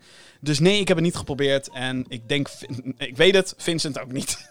Nee, ook niet. Maar, maar ik heb eventjes... eh, Ik zit er zo doorheen te kijken. Ja. Het is wel echt Breath of the Wild. Echt Ja, waar. het is- Echt. Het is het echt. Dan moet je Maar eigenlijk voor de gein nu ook even Immortals Phoenix Rising opzoeken. Dat is een game van Ubisoft. Immortals. Wat een namen zijn dit. Immortals Ja, dat- Phoenix Rising. Wie dat dacht was- dat dit te Nou, branden nou- viel? Nou, dat is leuk. Dat was dus eerst, dat was dus eerst Gods and Monsters. Maar toen kwam Monster Energy, I kid you not. En toen zei Ubisoft, oké, we gaan het veranderen. Maar het was een creatieve keuze, jongens. Ja, weet je Oh ja, dit is ook Breath of the Wild. Ja. Ja. Bullshit. Oh ja. Ja. Oké, top. Hij zit een trailer te kijken, ja. ja. Heel mooi. Oké. Oké, top. Hallo Gamer Nee, niet gespeeld. Oké. Hallo Gamer Geeks. Een tijdje geleden heeft Microsoft via I Am 8-bit Ori and the Will of the Wisps uitgebracht op de Nintendo Switch. Hij heeft het hier over een eh, fysieke Collector's Edition trouwens. Het, eh, want hij is ook gewoon digitaal op de Nintendo Switch te krijgen. Eh, toen ik hier achter kwam, heb ik hem direct aangeschaft. Ik was aangenaam verrast hoe goed en stabiel de game werkt op Switch. Er zijn echter wel wat kleine technische problemen die mij kunnen frustreren. De belangrijke zijn willekeurig, va- helaas vaak voorkomende gamecrashes die de game afsluiten. Wat vooral Pardon. Wat vooral vervelend is vanwege de meer dan een minuut durende opstartprocedure van de game. Mijn vraag is: welke Switch-poort of Switch-versie vinden jullie het meest indrukwekkende en welke vinden jullie het minst inleveren op de Nintendo Switch? Dat is eigenlijk bijna hetzelfde. Het indrukwekkendste en degene die het meeste inlevert op de Switch. Ik ben benieuwd naar jullie antwoorden. Groetjes van Ole. Ik heb echt het gevoel alsof ik staatsexamen videogame aan het afleggen ben. Ik snap er helemaal niks van meer, Jim. Oké, dus Het is te laat voor mij. je hebt gewoon Nintendo Switch-versies van een game. Die zijn misschien al ergens anders op uitgekomen. En dat komt dan op de Switch. En dan denk je natuurlijk: oh, het is de Switch. Dus het zal wel kut zijn. Maar dan valt dat misschien wel mee.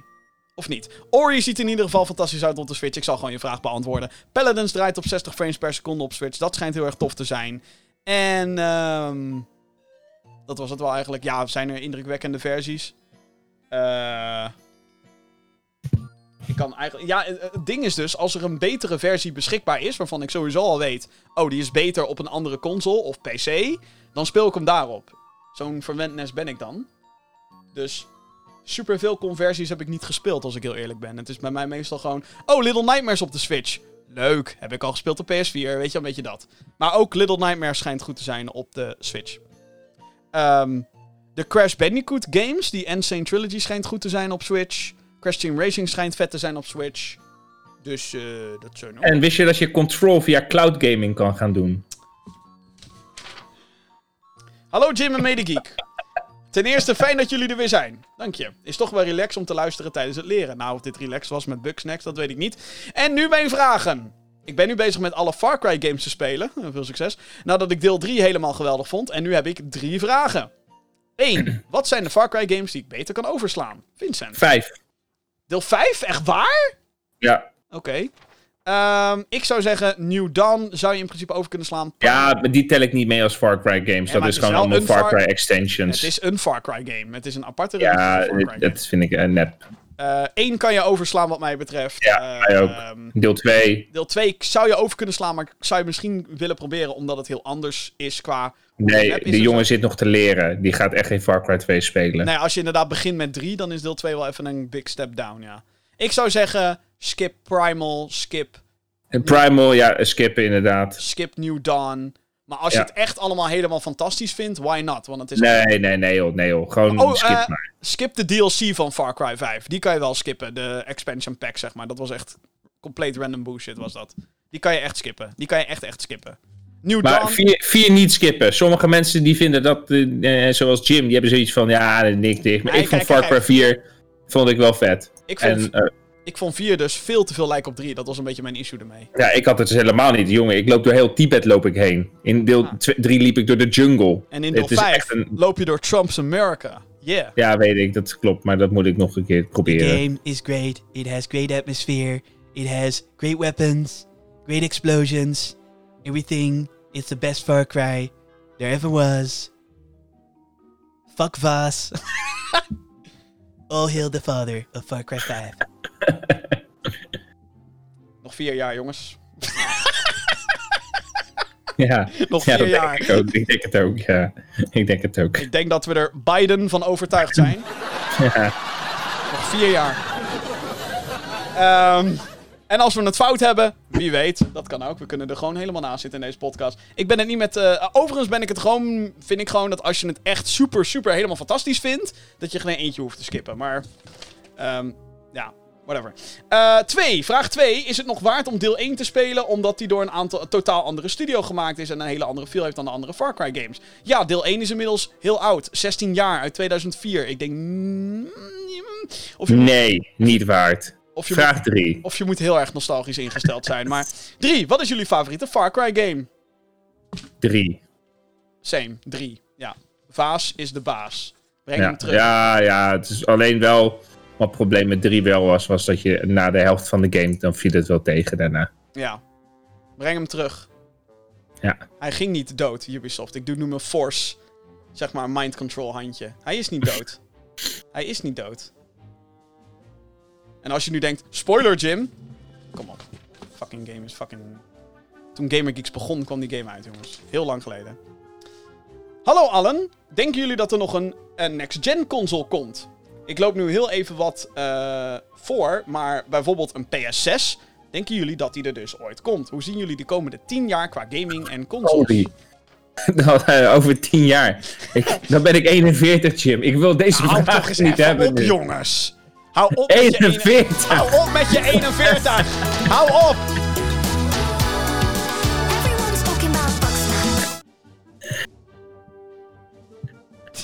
41. Ik moet er niet aan denken. Over 10 jaar. Nee, het blijft voor altijd PlayStation 5. Het blijft voor altijd jong. We zijn niet jong meer, Vincent. Dat is het probleem. Ehm, ik denk wel dat er nog een generatie komt, maar dat we de manier hoe we games consumeren wel echt anders gaan zijn. Ik denk niet dat VR over 10 jaar de overhand heeft of zo, want er zijn mensen die denken... Nee, dat denk ik niet. Dat denk ik ook niet. Ik denk wel dat we steeds meer gaan naar nog meer cloud en nog meer online en nog Ja. meer abonnementsdiensten, eh, dat soort shit. Ik denk dat we. eh, ik, denk wel Maar- dat dit, ik denk wel dat dit de laatste PlayStation gaat zijn met een diskgleuf. Daar ben ik 100% van overtuigd.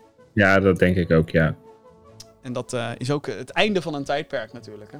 Maar we moeten eerst even kijken wat G6 doet. G6. Ja. En G7.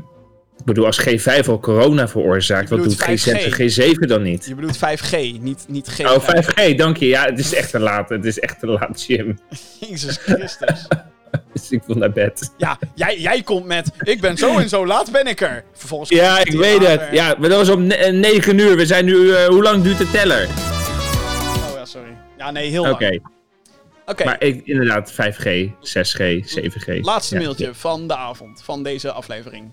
Oké, de leukste. En als je dit... Ik weet het niet. Eh, Tobias, die mailt. Hallo Jim en Mede Geek. Ik heb sinds kort weer Mafia 3 opgepakt. Ik was altijd al een groot fan van de Mafia gameserie, maar nooit echt van 3.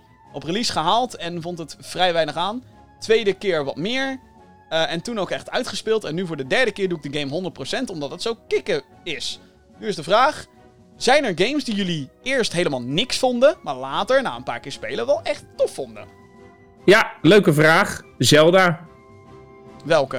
Van Zelda Ocarina of Time. Ik was 7 toen ik dat spel aan het spelen was. En eh, ik snapte er helemaal geen bal van. Ik Ah, wist je niet kon- waar ik aan mijn zwaardje kon komen. Ah, ja. En toen was zij de Nintendo Helpdesk. En die vertelde dat ik door, eh, door een of ander poortje moest gaan kruipen. En eh, toen was ik blij en gelukkig. En toen vond ik het echt een van de tofste games ooit. Maar die hebben we zelfs nog, die hebben we nog terug willen brengen naar speelgoedland. Maar ja, de game was al uit de verpakking. Dus die, eh, de garantie was, eh, was er vanaf. Toen al. Ja, ja. Ja. Garantie was er vanaf. Dus eh, ja, mocht, eh, mocht hem niet terugbrengen. Ik ehm, wil. Ik neem heel erg mijn woorden terug als het gaat om The Evil Within. Ik heb daar nog een hele kritische review ook over gemaakt in 2015 toen die game uitkwam. Het is een horror game, een beetje Resident Evil 4. Een beetje Resident Evil 4-achtig. Heel erg Resident Evil 4. En eh, toen die game net uitkwam, vond ik het helemaal niks. Want het, het draaide kut op PS4. Het had van die fucking zwarte balken om het cinematic te maken. En ik had zoiets van... Shut the fuck up met je fucking... eh, geef me gewoon mijn hele fucking beeldscherm, oké? En eh, sommige dingen werken, werkten klungelig, bla bla bla. Een paar jaar daarna, voor de release van 2, Evil Within 2... had ik de Evil Within 1 nog een keer gespeeld, maar dan op PC. Inmiddels is die game gepatcht en bla bla bla. En op PC heb je natuurlijk mooiere graphics en besturing is allemaal beter op muis en toetsenbord. Ik ben daar gewoon veel beter mee. En toen had ik zoiets van... Eigenlijk is deze game fucking lauw. Het is gewoon een soort Resident Evil 4. Maar dan niet met de Resident Evil license. Dus eh, ja, ik vond het heel vet toen. En ik denk dat het op PS4 nu ook beter is inmiddels. En ik moet ook zeggen dat ik de tweede game heel tof vond. Ehm, dus ja, dat is voor mij echt een, eh, een ommekeer geweest. eh The Evil Within. Maar, je, maar The Witcher toch ook? Daar ben je toch ook van teruggekomen? Mm, nee, ik heb The Witcher nooit echt gespeeld. Ik, dacht wel- dat jij nou, The nee, Witcher toen die helemaal hebt afgebrand. De eerste, eh, ja, de eerste in 2007. Ja, dat was Ja. voor Gamer Geeks, was voor dit alles, ja. ja. Ja. Ik heb het serieus daarna nog een paar keer geprobeerd te spelen. En ik kom er gewoon niet in. Misschien is dat een leuk stream-experimentje een keer. Om de eerste Witcher-game proberen te spelen. Maar ik denk echt dat heel veel mensen een vertekend beeld gaan krijgen van hoe The Witcher is. Want heel veel mensen kennen The Witcher alleen maar van deel 3. ja, deel 3, ja. En ehm, misschien is het daarom ook een soort van marteling om proberen om deel 1 goed te vinden. Maar ik, ik kan er gewoon niet in komen. Ik heb, volgens mij heb ik het serieus twee jaar geleden nog een keer geprobeerd. En dan kom ik wel tot op, tot op een bepaald punt. En dan zit ik, oké, ja, de, sto- de story vind ik nu inmiddels wel hè, potentieel tof. Maar ja, dan komen er weer andere quirks. eh, En dan komen er ook nieuwe games tussendoor. En dan denk ik, ja, laat maar zitten ook. ja. Dus nee, dat is Ja, en ik heb, er- ik heb er nog één. nog één. Maar die heb ik niet gespeeld en jij ook niet. Maar wel de- de Opera Din. die Oh. scheen ook goed te The zijn. Return of Obra Dinn. Ja, hij ging er toen niet... Ja, ja. Ik, ik noemde dat ooit in een podcast Ja. in, een, in een releaselijst. En jij zat helemaal, Jim, wat de fuck is dit? Maar dat schijnt dus een hele goede game te zijn, ja. The Return Ja. of Obra Finn. Die moeten we ook nog steeds een keertje op stream spelen. Ik, ik, ga alles op stream doen, jongens. Zodra die nieuwe PC er is, alles op stream. Afkloppen, voordat het eh, beloftes zijn die ik wederom niet kan waarmaken. Slecht idee. Dus dat. Ik denk dat dat wel een goed antwoord is. En ehm, ja, wie weet wat voor andere games er nog komen die ik toch nog een keer ga proberen. En dan. eh, eh, wat natuurlijk vooral het probleem nu is, is dat games gepatcht worden en dat soort shit. En dat daarmee wel echt vaak cruciale verbeteringen worden aangebracht. Ik kan me ook nog herinneren dat ik een rage review heb gedaan over Battlefield 4. Toen die game net uit was, was het een fucking drama. Het was echt een drama. Het crashte continu, de hele fucking tijd. Dus mijn hele ervaring werd erdoor vertiefd. Ehm, en later schijnt die optimalisatie supergoed te zijn en dat soort shit. Eh, Assassin's Creed Unity schijnt nu ook veel beter te zijn dan toen ik hem review. Dat is een van onze meest bekeken reviews. En ja, dan zijn er mensen die nu vijf jaar later gaan commenten... "Eh, hij is veel beter gemaakt hoor. En dan denk ik, ja... Duh. Mag ik godverdomme hopen. Maar ik ben niet overtuigd dat ik bijvoorbeeld van Assassin's Creed Unity... dat dat een hele U-turn zou zijn als ik die nog een keer... Oh wel, je weet het niet. Ik ben ouder geworden. Toen, toen Life is Strange uitkwam en Vincent daar helemaal kwam, had ik zoiets van... Het zal wel, jongen. Ik ga weer terug naar mijn Doom. Ik ga weer terug naar mijn Wolfenstein. Zoek het lekker uit. Drie jaar later, Jim kan zijn bek niet houden over Life is Strange. Dus misschien dat je die ook nog kan meetellen. Maar dat is natuurlijk niet dat ik hem dan heb gespeeld en blablabla. Bla, bla, bla, Nee, precies, precies. Dus, eh, tot zover. Heb jij een vraag voor de show? Mail naar podcast.gamergeeks.nl En daarmee zijn we eh, bijna aan het einde gekomen van deze lange aflevering van de Gaming Geeks podcast. Dat krijg je als je drie weken afwezig bent en je met Vincent zit. Dan laten we eerlijk zijn. Als Vincent er is, wordt het net allemaal wat langer. geeft, Jim, geef jezelf vooral niet de schuld. Dat is een beetje de, de boodschap. Nou ja. Maar eh, dat. Anyway, ehm, wat moet je nog meer doen? Nou, je moet natuurlijk abonneren op deze show. Dat kan via je favoriete podcastdienst. Google Podcast, Apple Podcast en Spotify. Als je een recensie kan achterlaten op de podcastdienst waar je dit op luistert en je vindt dit leuk, dan zou ik zeggen, geef ons een positieve review, 5 sterren, et cetera, et cetera. Eh, want daarmee help je ons hoger in de chartlijsten te komen. En hoe meer zielen, hoe meer vreugd dat altijd is. Dat geldt ook voor ons YouTube-kanaal, youtube.com slash. Help ons boven die 10.000 grens uit te komen.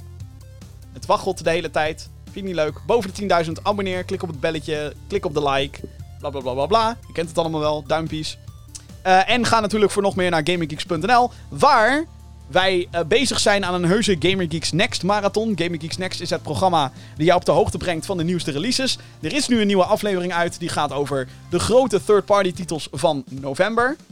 En als je die aflevering hebt gekeken en je denkt, oh, er missen er een paar. Er mist een Xbox game en er mist een PlayStation. Dat klopt. We gaan namelijk twee extra afleveringen maken omtrent de releases van Xbox Series S slash X en de PlayStation 5. Dus dat zijn dingen waar je je op kan verheugen. Dus, Vincent, bedankt dat je er weer bij was. Jim, dankjewel voor eh, het opnieuw uitnodigen van mij hier in de podcast. En ehm, dan wil ik jou heel graag bedanken voor het luisteren. En als je naar de videoversie kijkt, het kijken. Eh, tot de volgende keer. Dit was eh, Gamer Geeks eh, podcast, aflevering nummer 149. Het is inmiddels laat in de opname. Het is klaar. Mensen, een ehm, fijne dag verder. Dag. Dag. Doei. Nee, het was een fijne dag. was leuk bedoeld. was niet bitchy bedoeld. was leuk. Ja, ja. Ja, ja. Ja. Taan. Bedankt, dag, hè. Doei. Taan. Taan. Taan.